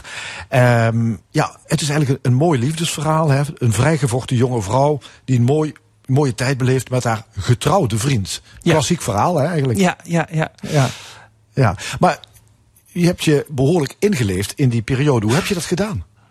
Eh, ja, dat is, dat is lastig. Ja. Het, het inleven in een tijd die je niet hebt meegemaakt. Ehm, dus dat zat hem veel in fotoboeken kijken, in eh, mensen dingen vragen, boeken lezen over die tijd, films kijken uit die tijd. Eh, maar vooral fotoboeken, dat hielp wel heel veel. En ik had een boek, want vooral het, het katholieke en het intieme. Dus je kunt wel dingen zien over welke auto's reden rond. Of er werden geen buskaarten gebruikt, maar je betaalde de bus van dat soort feitelijke details. Maar juist het intieme en het, en het huwelijkse en wat bespreek je wel als kind met je ouders en wat niet, dat was het moeilijkste. En dat vond ik in een boek van Marga Kerklaan. Die heeft eh, brieven verzameld eh, van vrouwen uit de jaren 30 tot de jaren 60. Over hoe zij het katholieke leven als vrouw eh, ervoeren. Het boek heet Zodoende was de vrouw maar een mens om kinderen te baren. Eh, en dat is echt ontzettend aangrijpend. Het is een boek uit de jaren negentig. Maar dat opende zoveel. Dat, dat toonde zoveel intimiteit. En eh, zoveel ook van het zwijgen. En van de onderdrukking van vrouwen. Want dat is feitelijk wat het is. Daar had ik wel echt heel erg veel aan. Ja, er zit heel veel hypocrisie. Vind ik, hè, in, in Ja. dit verhaal. Ja. In het hele boek. Alles wat er gebeurt. Er heel veel gebeurd stiekem. Afspraakjes eh, maken. Ja, als je in een hotel inging om, om een, een nacht door te brengen dan als niet getrouwd stel. Moest je je trouwboekje laten zien. Maar daar Ja. werd natuurlijk ook alweer gekeken of je dat kon omzeilen. Ja, dat, dat heimelijke. Dat, eh, dat, dat komt wel heel veel voor. Ja. Dat was kenmerkend voor die periode, jaren 60. Nou, dat, dat denk ik. Maar het, het speelt hem sowieso, of dat heeft sowieso te maken, denk ik, met als je, als, als je een heel sterk eh, dominant collectief hebt. Dat hele dwingende regels oplegt aan het collectief en iedereen daarbuiten. eh, dan gaan mensen ook wel voelen dat er bepaalde situaties zijn waarin die regels dan niet helemaal werken of voor jezelf niet werken. En dan gaan mensen omwegen bedenken. Eh, dus, en dat is eigenlijk hetzelfde met niet levend geboren kindjes. Het was niet kwaadaardig bedoeld om die kinderen weg te nemen of langs de begraafplaats te begraven. Maar het was het, omzeilen van de regel eigenlijk. Het was het idee, ja, je mag niet in gewijde grond, want je bent niet gedoopt. Maar dan begraven we het kindje tegen gewijde grond aan. Dan, is het, dan straalt het er misschien een beetje op af. Dus het is eigenlijk het, ja, de regel gehoorzamen, maar daar proberen een soort bochtje in te vinden, zodat het iets, ehm, ja, dat je er net omheen gaat. Eh, kindjes gingen ook heel vaak mee in de kist van iemand die overleden was. Ja, ja Stiekem. dat, ja, dat, Maar dat is vind ik een, een, een omwegje bedenken. Ja, ja. Ehm, de relatie eh, in het boek die u beschrijft, hè, van die, die jonge vrouw die dus een, eh, iets krijgt met een getrouwde man, dat verandert in één klap als blijkt dat die vrouw, Frida, die u als hoofdpersoon heeft, als die zwanger blijkt te zijn. Ja. Ongewild. Want dan is, eh, ja, dan, dan is die, die Otto, eh, haar minnaar, die reageert daar eigenlijk heel afwijzend op. eh, want hij is bang dat hij zijn vrouw, zijn baan, zijn lidmaatschap van de kerk, dat het allemaal in gevaar komt. Ja. En dan gaat hij ook bedenken van hoe zouden we die zwangerschap kunnen voorkomen. Ja. Ehm, abortus is natuurlijk, was in die tijd verboden. Ja, verboden, ja, ja, ja. Maar je ziet toch dat er allerlei wegen werden ge- gezocht om een abortus wel te kunnen uitvoeren. Ja, nou ja, dat is wat je in alle landen nu ook ziet. Toen ik het aan het schrijven was, dacht ik ook dat het historisch was. En dan zie je wat er in de Verenigde Staten verandert, of, of dichterbij in, in, in Polen. Ja, ja. Want, Ehm, want wie, wie kon je dan wel voor een abortus inzetten in, in een periode, in die periode dat het niet mocht? Ja, vaak gebeurde dat clandestien. En wat ik erover las, is dat, ja, hoe vraag je aan, hoe, hoe vind je iemand om iets crimineels voor je te doen? Iets strafbaars. Eh, dus het vinden van zo iemand is heel moeilijk. Maar via via waren er vaak wel, eh, vooral vrouwen die dat deden of die dat uitvoerden eh, thuis. of in een keuken. Of, ehm, en dan moest je dan stiekem een afspraak voor maken. Maar ja, dat gebeurde natuurlijk super gevaarlijk, zonder toezicht. En als Ja. misgang kwam je alsnog in het ziekenhuis terecht. Ja, maar de kerk bood ook oplossingen voor Ja. vrouwen die ongewenst zwanger waren ge- geworden. En dat waren dan natuurlijk ongetrouwde vrouwen. Eh, dat, nou maar ja, heel vaak is het ga trouwen met iemand. eh, of sta je kindje af. Of ga naar een klooster. En dan vinden we een katholiek gezin. En dan zwijgen we er verder over. Of sta het af van je moeder of van je zus. Ehm, ja, dat is het, het, het enge en het benauwende aan wanneer je zo'n religieus eh, dominant collectief hebt. Dat er is een probleem, daar zijn ook oplossingen voor. Dus ze weten, ja, er zijn dingen, als je van het pad afgaat, helpen we je ook wel terug. Er zijn vijf oplossingen. Je kunt dus wat ik net opnoemde. En dan moet je uit kiezen. Doe je dat niet, verlies je alles. Dan ben je alleen. Eh, en dat is eigenlijk zo eng en, en griezelig. En eh, lukt ook eigenlijk niet. Nee, want de hoofdpersoon in dit boek, eh, die Frida, die kiest er wel voor om haar kind te houden, om Ja. dat kind te krijgen. Eh, op dat moment zie je dat ze ook helemaal letterlijk alleen komt te staan. Ja. Zelfs ouders willen op zo'n moment niets meer met eh, hun kind te maken hebben. Ja. Dat, dat, dat, dat zijn dingen die u bent tegengekomen ook in de research? Ja, eh, echt meerdere malen. Maar het zijn ook dingen die nu nog leven. Dus op het moment dat je homoseksueel bent of, of lesbisch als, als eh, zoon of dochter.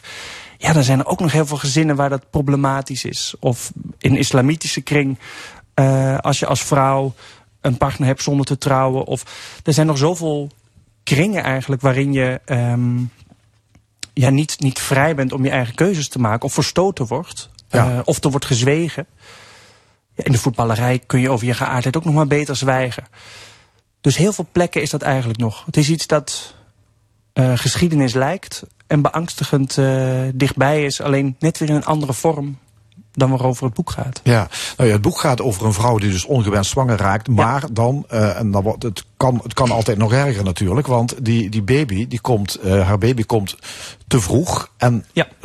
is doodgeboren, komt doodgeboren ter wereld. Ja. Nou ja, wat er dan gebeurt, dan zie je echt de, de, de hardvochtigheid van doktoren, van nonnen in een ziekenhuis. Eh, dat is echt stuitend als je dit leest. Eh, Ja, ja het, stuitte mij ook. Dus ik vond het, wat ik al zei, heel lastig om, om dat uit te zoeken. Dus ik heb het eerst geschreven. En toen ging ik daarna meer onderzoeken, brieven lezen, boeken. En dacht ik, oh, dat is echt nog vele malen harder en gruwelijker dan ik het had durven verzinnen. Ik zal een klein fragmentje voorlezen. Ja, er is een fragment eh, waarin moeten we misschien even inleiden op het moment dat dus die hoofdpersoon is bevallen Ja. van een doodgeboren kindje. Ze ligt in het ziekenhuis. En er liggen allemaal moeders omheen die wel eh, gezonde kinderen hebben gekregen. Daar ligt ze gewoon tussen. Ja, je kwam als vrouw gewoon op de kraamzaal Ja, terecht. maar, maar ze had geen kind natuurlijk. Nee, en ze, nee. ze wist ook niet dat kind was, ja, dat was Ja, weggenomen. weggenomen. Ja. En Ze heeft alleen maar de, de voetjes had ze gezien. Ja. En ze had geen idee wat er met haar kind gebeurd was. En eh, nou ja, het fragment eh, is, eh, sluit daarop aan. Mevrouw Tendelo. De zuster haalde diep adem. Wellicht dat de Heer het bastaardkindje weer tot zich heeft genomen, omdat u u er niet mee vertrouwde. U zult deze schuld moeten dragen. Bidden zal het enige zijn wat u kunt doen tegen deze grote, grote schande. De kap schermde haar gezicht af, alsof haar woorden nooit te herleiden mochten zijn tot haar mond. Ja. Er spreekt weinig compassie uit. Hè? Helemaal geen compassie met een vrouw die dus een doodgeboren kindje had gekregen. Nee. Nee, ja, en, zeker als je dan nog buiten echtelijk in verwachting was, dan. eh, ja, mensen zijn bang dat dat, dat dat afgeeft op je, denk ik. Als, je, als iemand een schande eh, pleegt of een schande. Ja, hoe noem je dat? Schande ondergaat of, of schande overkomt. mensen zijn daar hard naar omdat ze bang zijn dat het hen dan treft. Of dat ze er. ehm, en ook binnen een collectief gaan mensen streberig worden in, in strengheid of in ehm kilheid daarin, denk ik. Want wat ik ook ontdekte is dat heel veel mensen ook wel net anders willen of net anders zouden wensen. Dus als ze alleen met iemand zijn, dan is iedereen net wat milder of net. Maar als er andere oren bij zijn, wordt iedereen streberiger, streberiger in zijn eh, afgemetenheid. Ja, en die doodgeboren kindjes die werden dus weggenomen. Vrouwen hadden geen idee waar die kindjes bleven. Inmiddels staan er trouwens monumentjes op heel veel plekken. Hoeveel ja. monumentjes zijn er? Ja, uit mijn hoofd eh, 138, maar het zullen er inmiddels ongetwijfeld veel meer zijn. Vooral het katholieke deel van Nederland. Veel begraafplaatsen, kerken. Ja. Eh, die hebben nou zo'n plek, ja. Ja, inmiddels is die behoefte dus ehm, gekomen om die kinderen, om, om plek te hebben waar je zo'n kind kan herdenken. Trouwens, klopt het dat er, ik, ik lees in het boek een ongelooflijk verhaal, dat er doodgeboren kinderen, die werden door het personeel van het ziekenhuis, waren vaak nonnen dus, werden die in een kist gelegd van een overleden volwassene. Ja. Ja, dat was het, het, dat is ook weer zo'n omweg waar we het net over hadden. Eh, de, de, de enorme noodzaak om een kind in gewijde grond maar te krijgen. Dan ging het stiekem, voordat een kist dicht ging, eh, werden kindjes dan tussen de kuiten gelegd. Kist ging dicht, niemand kwam er ooit achter. En heimelijk kwam een kindje dan toch mee in, eh in gewijde grond. Ja, onvoorstelbaar. Ja. Ja, maar meestal werden die kinderen dus begraven op een deel van het kerkhof dat niet gewijd was. Ja, langs de rand, langs de, langs de muur, langs de heg. Eh, en daar lagen ook homoseksuele ex, eh, of ex, ik wil niet, en NSB'ers, eh communisten en, en ongedoopte kinderen. Ja, dus meestal dus ook niet bekend waar die kinderen lagen, want niemand hield dat ook bij. Nee, dat werd nergens bijgehouden. En ik hoor nu, sinds het boek uit is, uit protestantse kringen, wat eh, boven de rivieren, daar vond ik niets van online. Maar nu ik lezingen geef, komen heel veel mensen naar me toe die zeggen: ja, maar wij waren niet katholiek, maar bij ons is het kindje ook verdwenen. Ja. En daar is nog veel cryptischer waar die kindjes heen gebracht zijn. Ja. U heeft een uitzondering eh, ontdekt. eh, Ja. En dat is in Sittard. En dat heeft ook geïnspireerd tot een deel van dit boek. Ja. Eh, want daar was een beheerder van een kerkhof. Ja. Die deed het helemaal anders. Leon Tonglet. En ehm, er is Laurie Faros, een wetenschapster, die heeft heel veel, woont ook, ook in Zuid-Limburg, heeft heel veel mensen geïnterviewd en door haar kwam ik op zijn spoor. En hij heeft, en dat is een jaar of tien geleden, volgens mij vijftien geleden al, ehm, is uitgekomen dat hij altijd een schriftje heeft bijgehouden ja, van welke familie een kindje waar ongeveer eh, begraven is. En dat is natuurlijk enorm troostend. Heel veel mensen die hebben daarop gereageerd. En dat gegeven dat iemand ehm, die niet in de positie is om regels te veranderen, iemand die niet in de positie is om te zeggen die kindjes horen wel gewoon erkend te worden, toch denkt dit klopt niet. Dit zit niet goed. Ja, Eh, hij- en besluit het op te schrijven. Ja, En daar- een schriftje bij. En een schriftje, ja. En dat vind ik enorm ontroerend. Verandering komt zelden. eh, dat komt altijd van onderaf. Van iemand die, die het werk moet uitvoeren, die voelt: dit zit niet goed. En dat zijn ook troostende, helende verhalen, vind ik. Ja, het boek is nu een tijdje uit. U houdt ook lezingen over Ja. dit onderwerp eh, in bibliotheken en eh, binnenkort in Sittard. eh, Ja, 22 november. Ja. Hoe, hoe zijn de reacties bij die lezingen? Komen er vrouwen die dit meegemaakt hebben, die een Ja. doodgeboren kindje hebben dat verdwenen is, komen die naar zo'n lezing, spreken die u aan?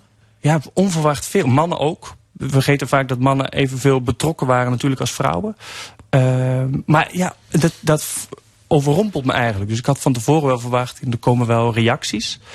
Eh, maar het is, ik krijg wel tien mails per dag, berichten van mensen die hun, hun levensverhaal vertellen. Ehm, en omdat ik een vreemde ben, eh, tegen vreemden is het soms makkelijker iets te vertellen dan tegen je eigen naaste. eh, denk ik dat mensen ja, geneigd zijn om veel te vertellen. Eh, maar ook vanuit eh, zusters. Pas stond er, eh, stond er een ver- ver- verpleegster aan mijn signeertafel. Die zegt, oh ja, ik heb, ik heb die kindjes altijd... ja, het is gruwelijk om te zeggen, in, in de container gegooid. En dat heb ik 30 jaar lang gedaan. En nu pas denk ik, oh, dat had ik, dat is, dat had ik eigenlijk nooit moeten doen. Maar toen was dat de, regel. Ik deed dat gewoon. Dus al die verhalen komen nu los. En ja, dat is. Ik was pas bij Tijd voor Max de gast. Eh, en achteraf werd het telefoonnummer geopend van je kunt eh, bellen als je wat hebt. En die hebben de hele week telefoon gehad van mensen die daarmee zitten, niet erover durven praten. Omdat het ook heel moeilijk is. Wanneer begin je met praten? Beginnen met zwijgen is niet zo moeilijk. Dat is op het eerste moment iets niet zeggen. En op het tweede moment niet, en derde. En dan, is het, dan voelt het al te laat. Maar stoppen met zwijgen. Er is altijd een volgend moment dat, dat beter is. Ja, want er zijn vrouwen die het hun hele leven met zich meedragen. Ja, ja. ja. U, u bent een man. En het Ja. gaat over het verdriet, veel verdriet van vrouwen. Hè? Natuurlijk ook van mannen, maar het is ook geschreven vanuit de Vanuit gevoelens van de vrouw. ja. Lukt dat als man, om, om je daar helemaal in te verplaatsen? Eh, ja, ik hoop het, dat het gelukt is. Tot, tot nu toe zijn de reacties heel positief. En, en eh, eh, vinden vrouwen het geloofwaardig. Dus dat is heel erg fijn. Ja, ik wil een heel lijfelijk boek ook maken. Dus het gaat ook over je eerste keer vrijen. Ook over de laatste keer vrijen. Over gewassen worden als je in een verzorgingstehuis zit. Over bevallen. Ehm, ja, dat is...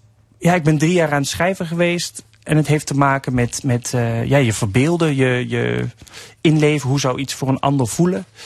Ehm, en ja, we zijn ook maar mensen, we verschillen ook niet zo vreselijk veel van elkaar. Het heeft vooral te maken met hoe je omgeving op je reageert. Ik denk dat dat het grootste, grootste verschil is qua gevoelens. Er zijn geen typische man-vrouw eh, eh, gevoelens of Nee. eigenschappen. Nee, en er zullen ook heel veel mannen zijn die natuurlijk met dit onderwerp eh, ook te maken, ook ja. te maken hebben. Hè?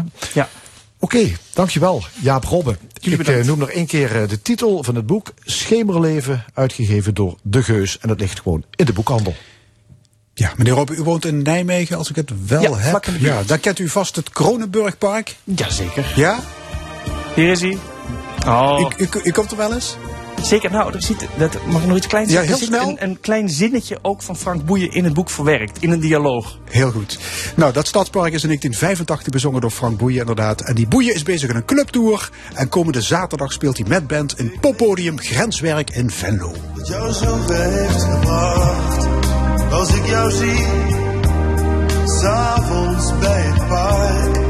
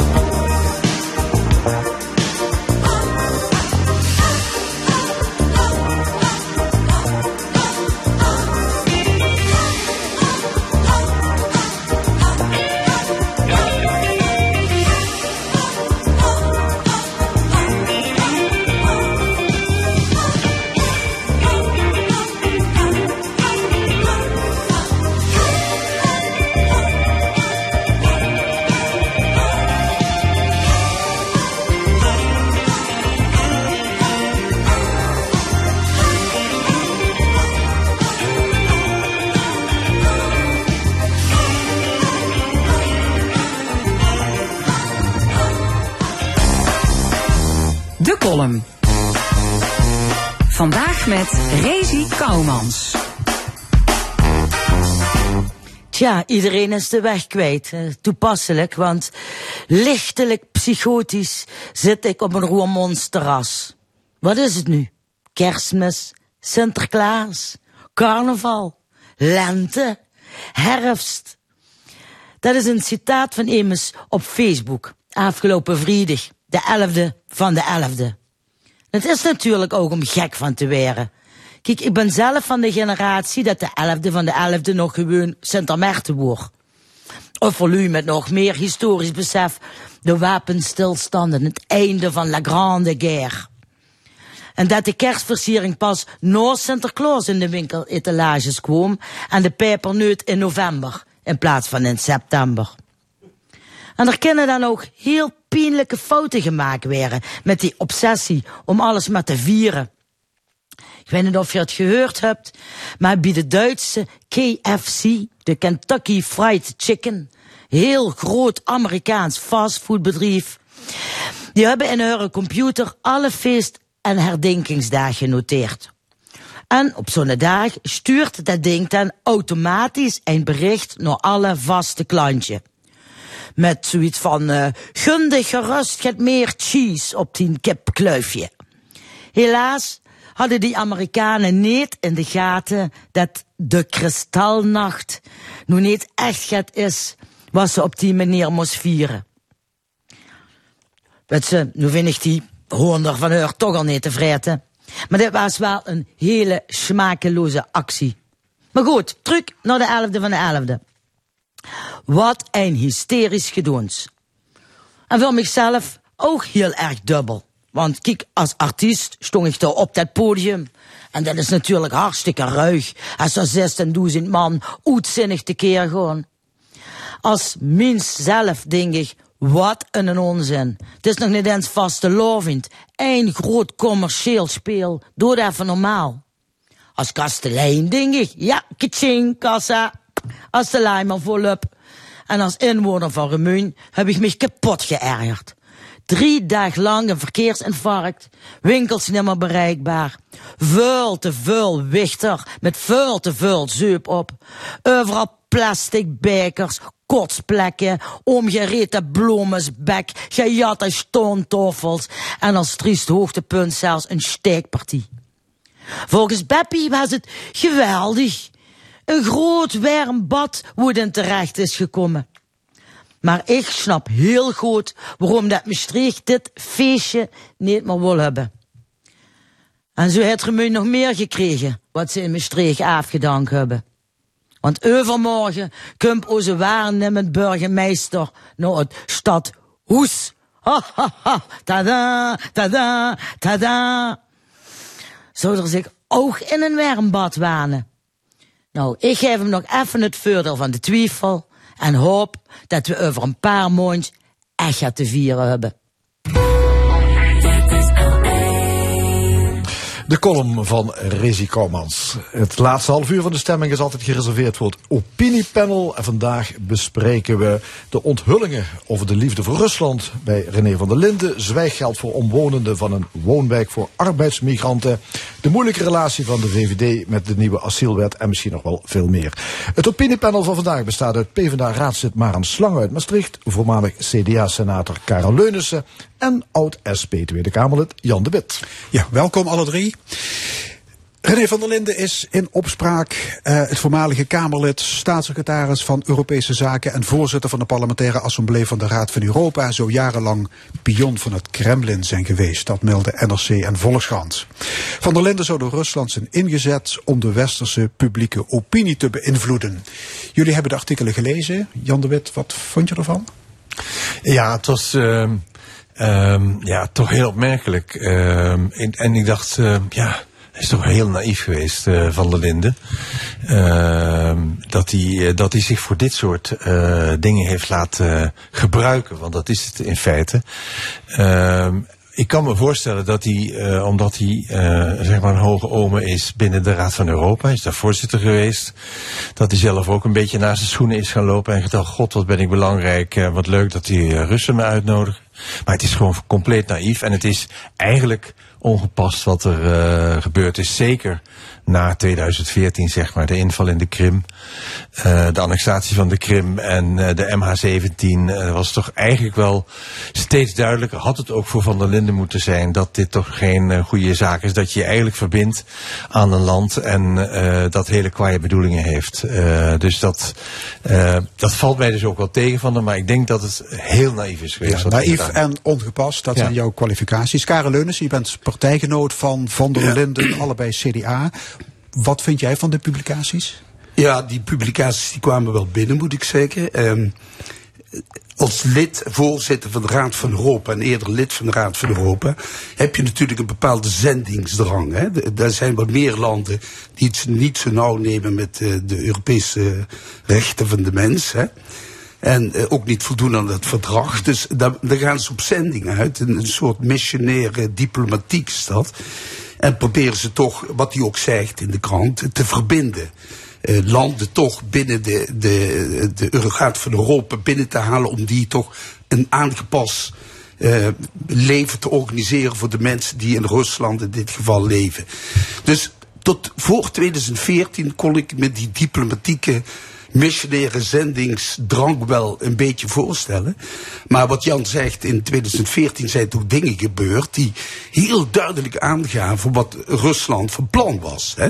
Wat de politieke koers van Rusland was. Ja, in 2014 had je de annexatie van de, Krim, en de, aanslag op de separatisten die Lugansk MH17. en Donbass. MH17 die uit de lucht werd geschoten. En zelfs daarna is Van der Linden lobbywerk voor de Russen blijven verrichten. En dit past zo niet bij René van der Linden, qua persoon en qua politieke visie, dat ik me afvroeg, ik weet dat natuurlijk niet, van eh, is er ook in zo'n relatie die je op een gegeven moment opbouwt, ook een point of no return, hè? Want die Russen die zijn wel eh, met alle egaars wordt je ontvangen en je feteert en zo. Maar die kunnen ook heel zuur worden en vervelend worden en zelfs heel vervelend worden. En ik vraag me wel eens af van, zou er ook niet een beetje druk achter gezeten? Vervelend worden. Dus je denkt dat hij is geïntimideerd Ja, op een of andere weet manier? ik niet. Ik weet het niet, maar ik zou wel het zo kunnen voorstellen. Want pas in 2019, toen die Levitsky opgepakt was, een spion. En alles duidelijk werd voor iedereen en alles. En de AIVD zich ermee bemoeid had. Toen kon hij zich makkelijk terugtrekken. En ja, hij sprak nu ook schande uit over wat daar in Rusland is gebeurd. Ja, Van, van der Linden was bevriend, was bevriend met die diplomaat Valery Levitsky, een Russische spion. Ze kwamen bij elkaar over de vloer, bezochten samen de wedstrijd van Rode JC. Van der Linden zegt nu, ik wist niet dat hij een spion was. Ja, maar eh, ook, dat vind ik helemaal niet zo Nee, belangrijk dat is nu. niet interessant. Gegeven datgene wat in 2014 is gebeurd. Je wist gewoon dat hij een, een, een- iemand was die connecties met die Slutsky hè, van de Duma. En, en hij ontmoette nog eens de, de voorzitter van de Duma. Ja, die wilde gewoon die, dat, die verbindenis tussen Van der Linden en, en Nee, maar als het nou... Zo... Hey, even maar aan Slangen, wat, wat vind jij van de publicaties? Je bent fractievoorzitter PvdA, Ja, gemeenteraad van klopt. Maastricht. Nou, buiten het feit dat ik eh, de heer Van der Linden zelf niet ken en ook niet kan spreken over zijn eh, persoonlijke eh, of werkgerelateerde afwegingen hierin, ehm, is het natuurlijk wel zo, hè, wat de heren terecht aangeven, dat, ehm, dat je altijd zelf verantwoordelijk bent, of je nou in een politieke of in een lobby eh, of misschien ook wel in een journalistieke functie zit.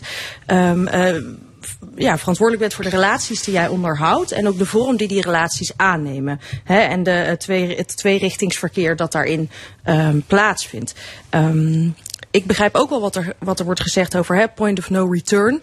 Eh, ik kan mij voorstellen dat het bij sommige relaties erg lastig is om je daar eh, uit eh, te werken eigenlijk. Hè. En misschien ook druk ervaart, heel onprettige druk. Ik weet niet of dat hier zo is geweest. Als dat zo zou zijn, zou ik ook niet weten of de heer Van der Linden dat op dit moment zou kunnen en durven toegeven. Ehm, wat ik wel, ehm, wat, ik, wat ik lastiger vond aan, aan de publicaties van de afgelopen dagen, is dat hij ook aangeeft van ja, maar als de AIVD en de MIVD bepaalde informatie hadden, dan hadden zij dat mij moeten vertellen. En daarvan denk ik, ja, dat, dat zal zo zijn. Maar ik vind echt dat je eerst ook nog zelf verantwoordelijk bent voor bepaalde relaties. En inderdaad, het jaar 2014 was daar een, echt een, een heel duidelijk markeringspunt. Waarna je gewoon andere afwegingen had moeten Ja, maken. want Van der Lende heeft congressen bezocht, fora Ja. bezocht, Ja. om te ageren tegen de EU-sancties tegen Rusland. Klopt. Ik bedoel, waar hij, Nee, ook, waar hij kwam, hij was altijd pro-Kremlin. Nou ja, maar dat, dat, en dan dat ontstaat is- toch het beeld dat hij loopjongen was van, Ja. van de Russen. Of Ja, en dat, ja, eh, kijk, dus je kunt op een gegeven moment, eh, zoals Karel ook zegt, je kunt op een gegeven moment misschien het idee hebben van, nou, ik, eh, ik word hier gemangeld, ik word hier in de tang genomen, dat kan ik me voorstellen, maar hij heeft gewoon vrolijk, toch?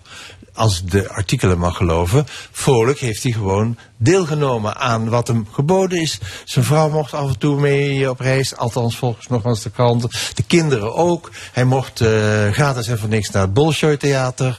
Eh, noem maar op, de reiskosten, hotelkosten, alles werd betaald. Eh, dan kun je op een gegeven moment zeggen, ehm, ehm, ja, daar, daar heeft hij toch volop aan meegedaan. En dat is, dat is dus het vreemde. Dat ook al heb je dan enige twijfel, dan, kan je, dan zou je op dat moment al, moeten zeggen, jongens, mag het een tandje minder. Want ik- argument is, en Karel zei dat ook al, we moeten goede betrekkingen onderhouden met Rusland, want dat is essentieel voor de vrede. Ja, maar dat was al vanaf 2014 eh, duidelijk dat dat, eh, of wat, dat- wat die betrekkingen dan in feite inhielden. En dat is in de loop van de jaren alleen maar erger geworden. Hè, want er is daarna een oorlog in de, het oosten van de Oekraïne ontstaan in die twee eh, grote Met die groene mannetjes, onderdelen. wellicht Russische Ja. militairen. Ja. Hè? Ja. Dus dat, dat, ja, dat, dat moet je toch in denken zetten. denk. In 2019 heeft de AIVD René van der Linden afgeluisterd en ook geobserveerd. Begon onze geheime dienst zich kennelijk ernstig zorgen te maken over zijn hand- en spandiensten? Eh, Nou ja, goed. eh, hij, hij, dat, dat vind ik ook zo naïef. Dat je dus denkt dat de AIVD jou gaat bellen ehm, en, en gaat zeggen van eh, meneer Van der Linden, wij eh, houden u in de gaten hoor. Ja, zo, werkt, zo werken die diensten natuurlijk. Die willen, die willen gewoon in alle eh, eh, geheimen, in, in een soort, zeg maar, willen die op afstand, willen die gewoon zien wat daar zich voltrekt. Om dingen te ontrafelen, om contacten Ja, ja, maar het is te nogal wat dat, een- dat geheim agent bij zijn boerderij in Nut staat. Ja. Om daar de oud-staatssecretaris van Europese Zaken een beetje in de gaten Ja. te houden. Ik weet niet of het zo gegaan is, maar Ja, ik- eh, zoiets. dat, zou- dat zou kunnen, omdat tegenwoordig natuurlijk met aftappen eh, en dat soort eh, technieken er heel wat anders mogelijk is dan een, iemand met een gleufvoet en een Nou, mooie, ik- mooie ik- ik maar- regenjas. Nee, maar dus het, het, het, het is naïef om te veronderstellen, en zoals hij ook zegt, ze hadden mij moeten waarschuwen. Iets anders is wel dat hij bijvoorbeeld in het CDA heeft hij nog steeds die, of had hij toen een positie in de commissie Buitenlandse Zaken. Of daar eh, nooit enige twijfel is eh, ontstaan en hem daar ook is gewezen, God eh, van der Linden. Je Nou ja, hij was honorary, president of the, Ja. the, the European Assembly. Ja.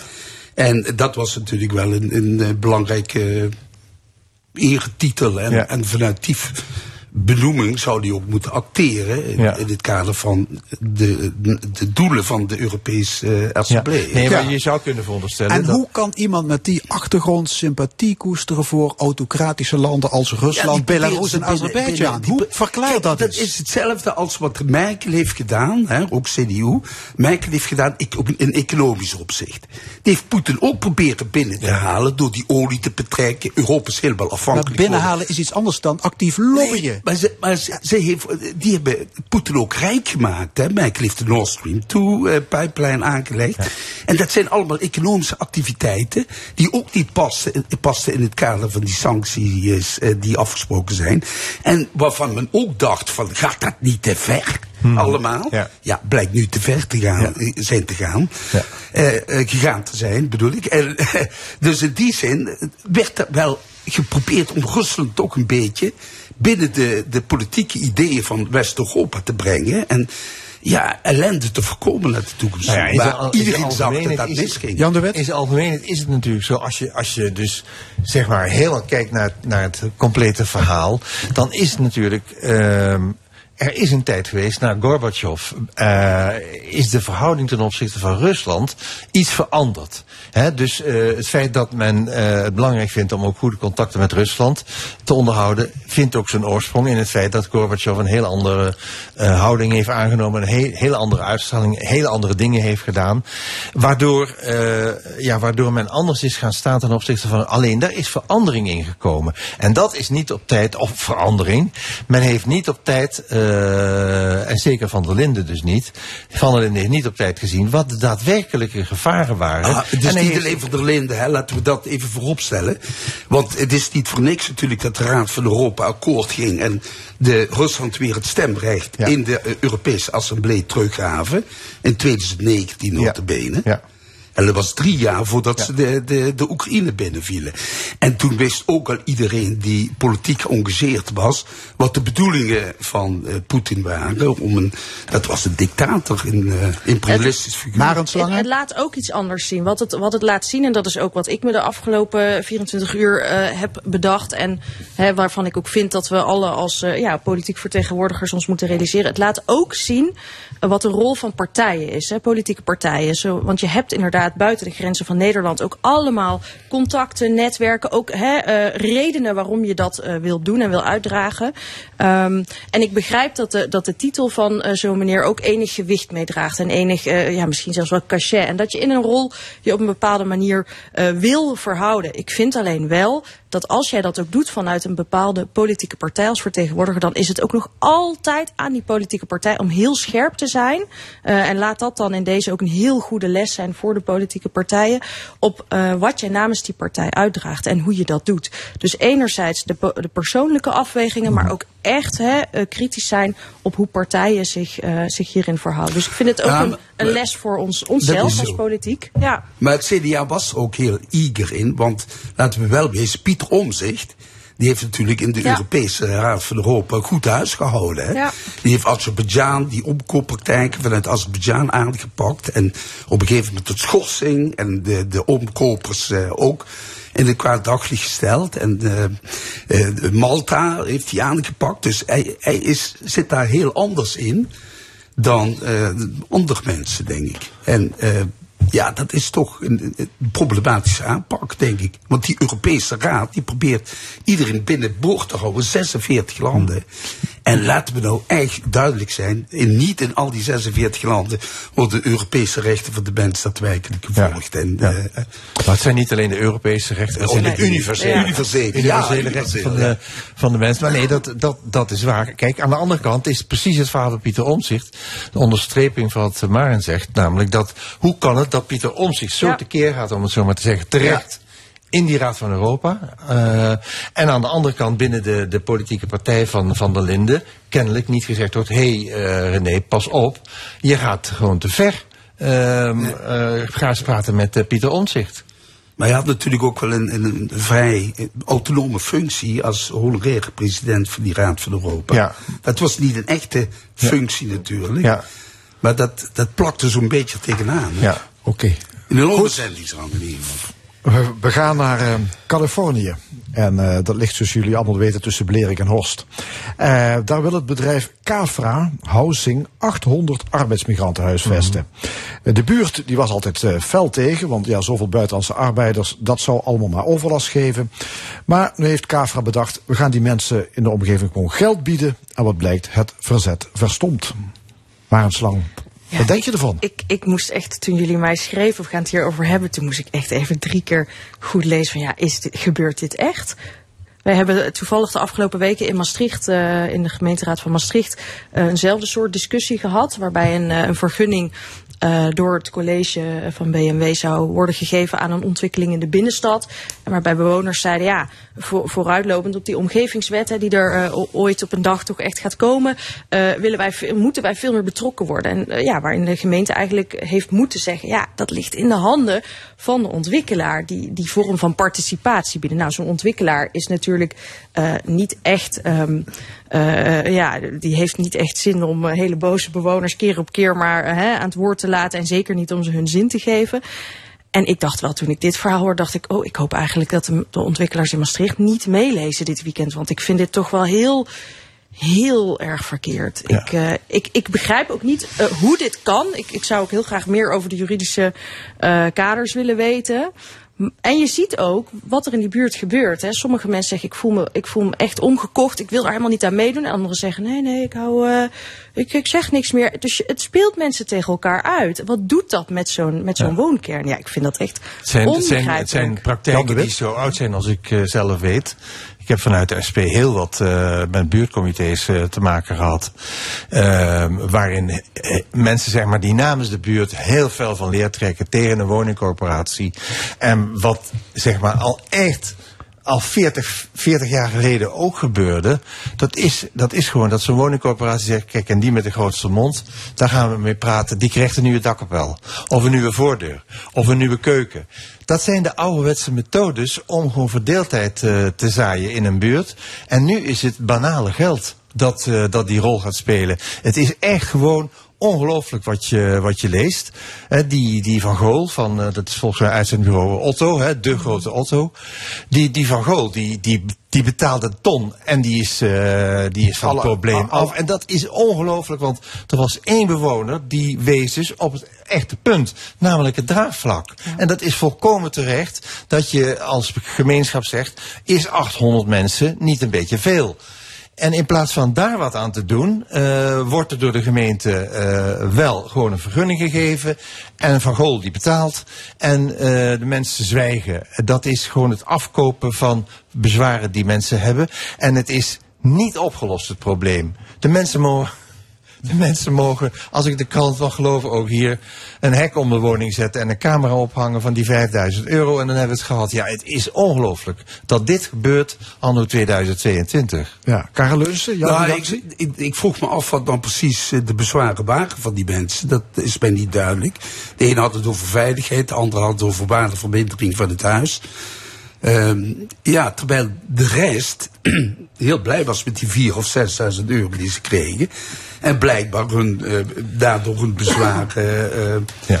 ja, niet meer bestonden. En dus genoegdoening hadden gevonden in die betaling. Misschien heel slim van die mensen, zou je kunnen Ja, zeggen. want, want die advocaat die de, de, de zaken behartigde voor die hele groep, die zei ook nog, nou, ja, ik weet niet of dat zo dom is, want of we die zaak winnen, hè, de bezwaarprocedure, Ja, ja. dat is nog maar de vraag. Straks staan ze nog met lege handen. Dan heb je helemaal niks, hè? Dan heb je die 6000 euro ook niet, of die 4000 euro ook niet. Maar het gaat ook om de Dus ik toekomst, vind- hè? Ja, maar die, kijk, het zijn die mensen die de rugrecht moeten houden dan, hè? Maar, maar als er straks, hè, die mensen wonen daar overigens, heb ik ook begrepen dat het de bewoners niet zozeer ging om het feit dat daar arbeidsmigranten kwamen, maar de veelheid. Hè, inderdaad, oh, terecht, oké. ook de balans. Hè, Ja. wat we, die discussie hebben we natuurlijk vaker gezien de afgelopen maanden in het land. En ik vraag me dan af, stel dat er over een aantal, hè, als die mensen daar eenmaal wonen en er is een vorm van overlast of een gevoel van onveiligheid, hè, het ging ook over verkeersonveiligheid.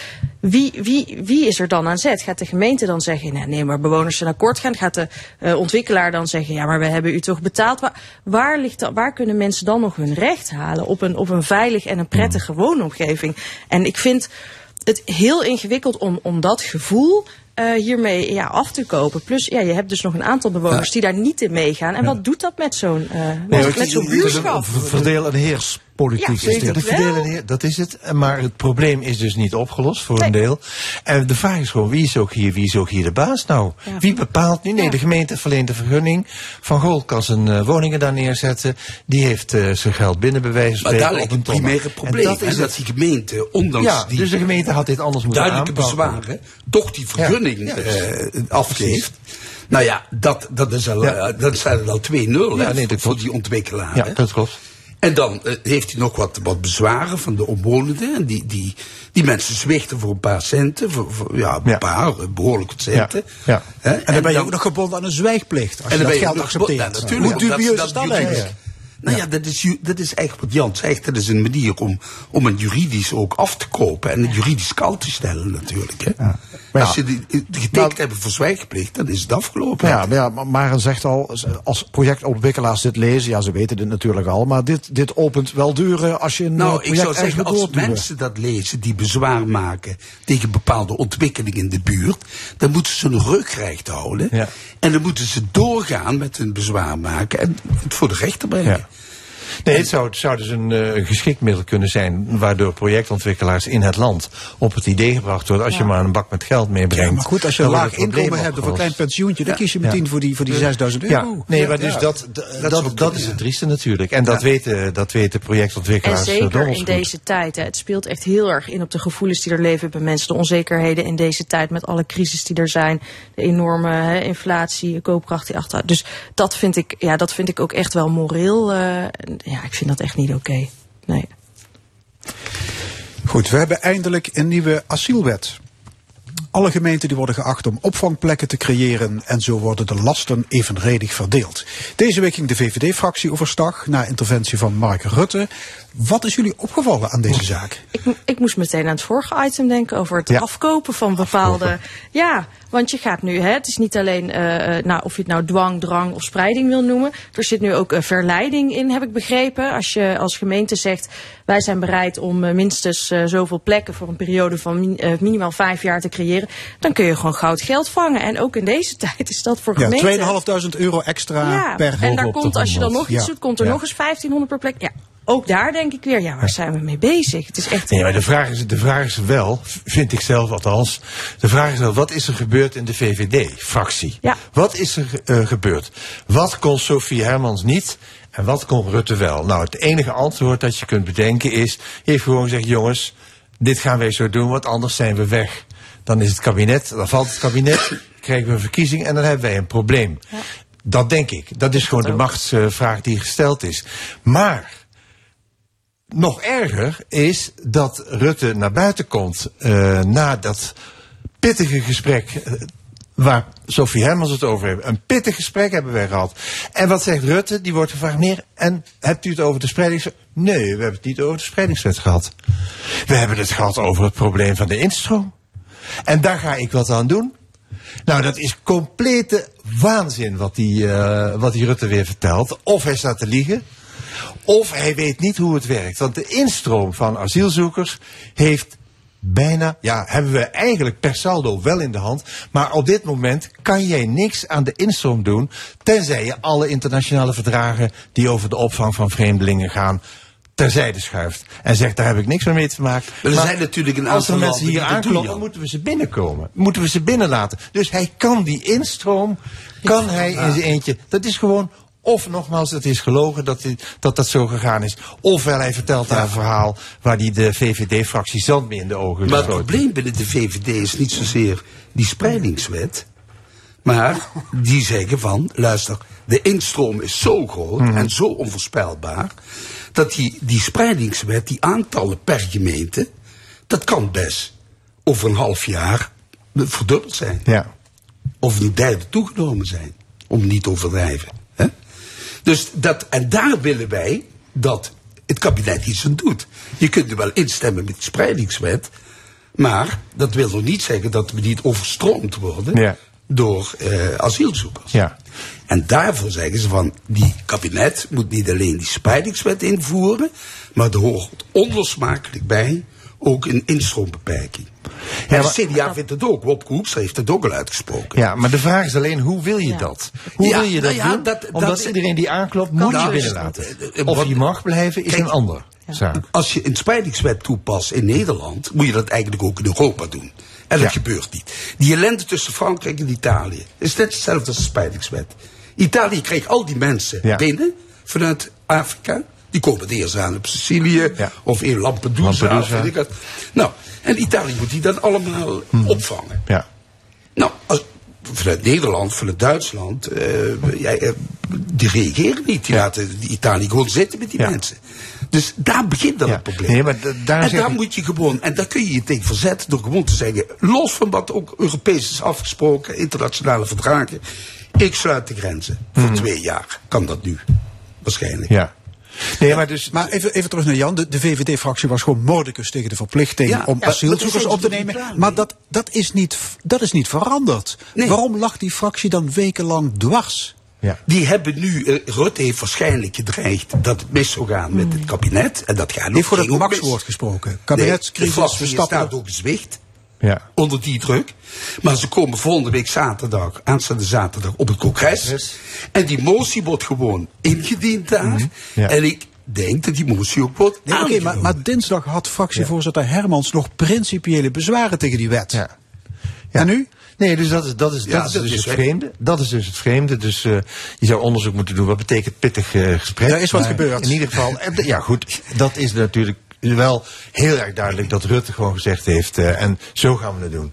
Want Ja, anders is het alternatief is dit. Nou, dat Ja. is heel duidelijk. Maar dat, nogmaals, ik ben het helemaal met Karel. Daarom zeg ik ook, per saldo is het wel een probleem. Is aan te pakken, is op te lossen. Maar dan moeten we het internationaal doen. En moeten we het ook internationaal eens zijn. En het feit dat inderdaad Italië overspoeld wordt, bij wijze van spreken, door eh, heel veel eh, asielzoekers uit Afrika. Daar moet je, daar moet je juist de afspraken over maken. En daar is Nederland ook eh, niet van de enthousiaste partij eh, op dit Nee, maar moment. andere landen ook niet. En andere landen ook niet. Ze, ze, doen maar een beetje verstoppertje spelen in- in die oplossing van dat probleem. Hoe, hoe gaat die spreidingswet in de praktijk uitpakken? Ik, bedoel, ik heb begrepen dat begin volgend jaar een eerste verdeelsleutel wordt Ja. gemaakt. En dan weet iedere gemeente hoeveel vluchtelingen er opgevangen moeten worden. Ja. Wordt dat een succes? Nou, het is wel een interessante vraag. Ehm, vooral ook omdat ehm, ik ben wel heel benieuwd eh, voor welke eh, eh, vluchtelingen, voor welke soort opvang, hè, want we hebben verschillende soorten opvang op dit moment in Nederland, eh, betekent dit nu wat? Ehm, we hebben de afgelopen dinsdag in de gemeenteraad van Maastricht een vrij pittig debat gevoerd over of je moet Pittig. kunnen zeggen. een pittig ja, dat was ook een pittig debat. Maar daar kwam, kwam geen meneer Rutte binnen, dus dat scheelde wel. Maar ehm, over de vraag of je als gemeente moet zeggen, en, en hier stopt het. Wij, willen, wij kunnen en willen niet meer, want het draagvlak is er niet meer, of we hebben de faciliteiten niet meer. En toen werd er Maar ook dan kan de minister ingrijpen, hè? nou ja, er werd ook uitgelegd. Je hebt bijvoorbeeld als gemeenteraad eh, ook niet in alle soorten opvang wat te zeggen. Noodopvang bijvoorbeeld. Daar, daar moet het college gewoon hè, een besluit nemen en handelen. Dan kun je als gemeenteraad eh, eh, tegen zijn of tegen meer vlu- eh, opvang in je stad of wat dan ook. Dus ik ben vooral heel benieuwd wat die spreidingswet nu werkelijk betekent voor gemeenten en ook voor de rol van gemeenteraden eh, door heel het land. Oké, hier komen we vast en zeker nog vaker Ja, op terug. onze tijd eh, zit erop. Hartelijk dank, discussiepanel. Vandaag met Maren Slangen, Karen Leunissen en Jan de Wit. En dit was De Stemming. Vandaag gemaakt door Edwin Maas, Fons Geraas en Frank Ruber. Graag tot volgende week. Zondag dan weer om 11 uur. Dit programma is terug te beluisteren via onze website l1.nl. En zometeen op deze zender Sport Co. Ik wens u nog een mooie zondag.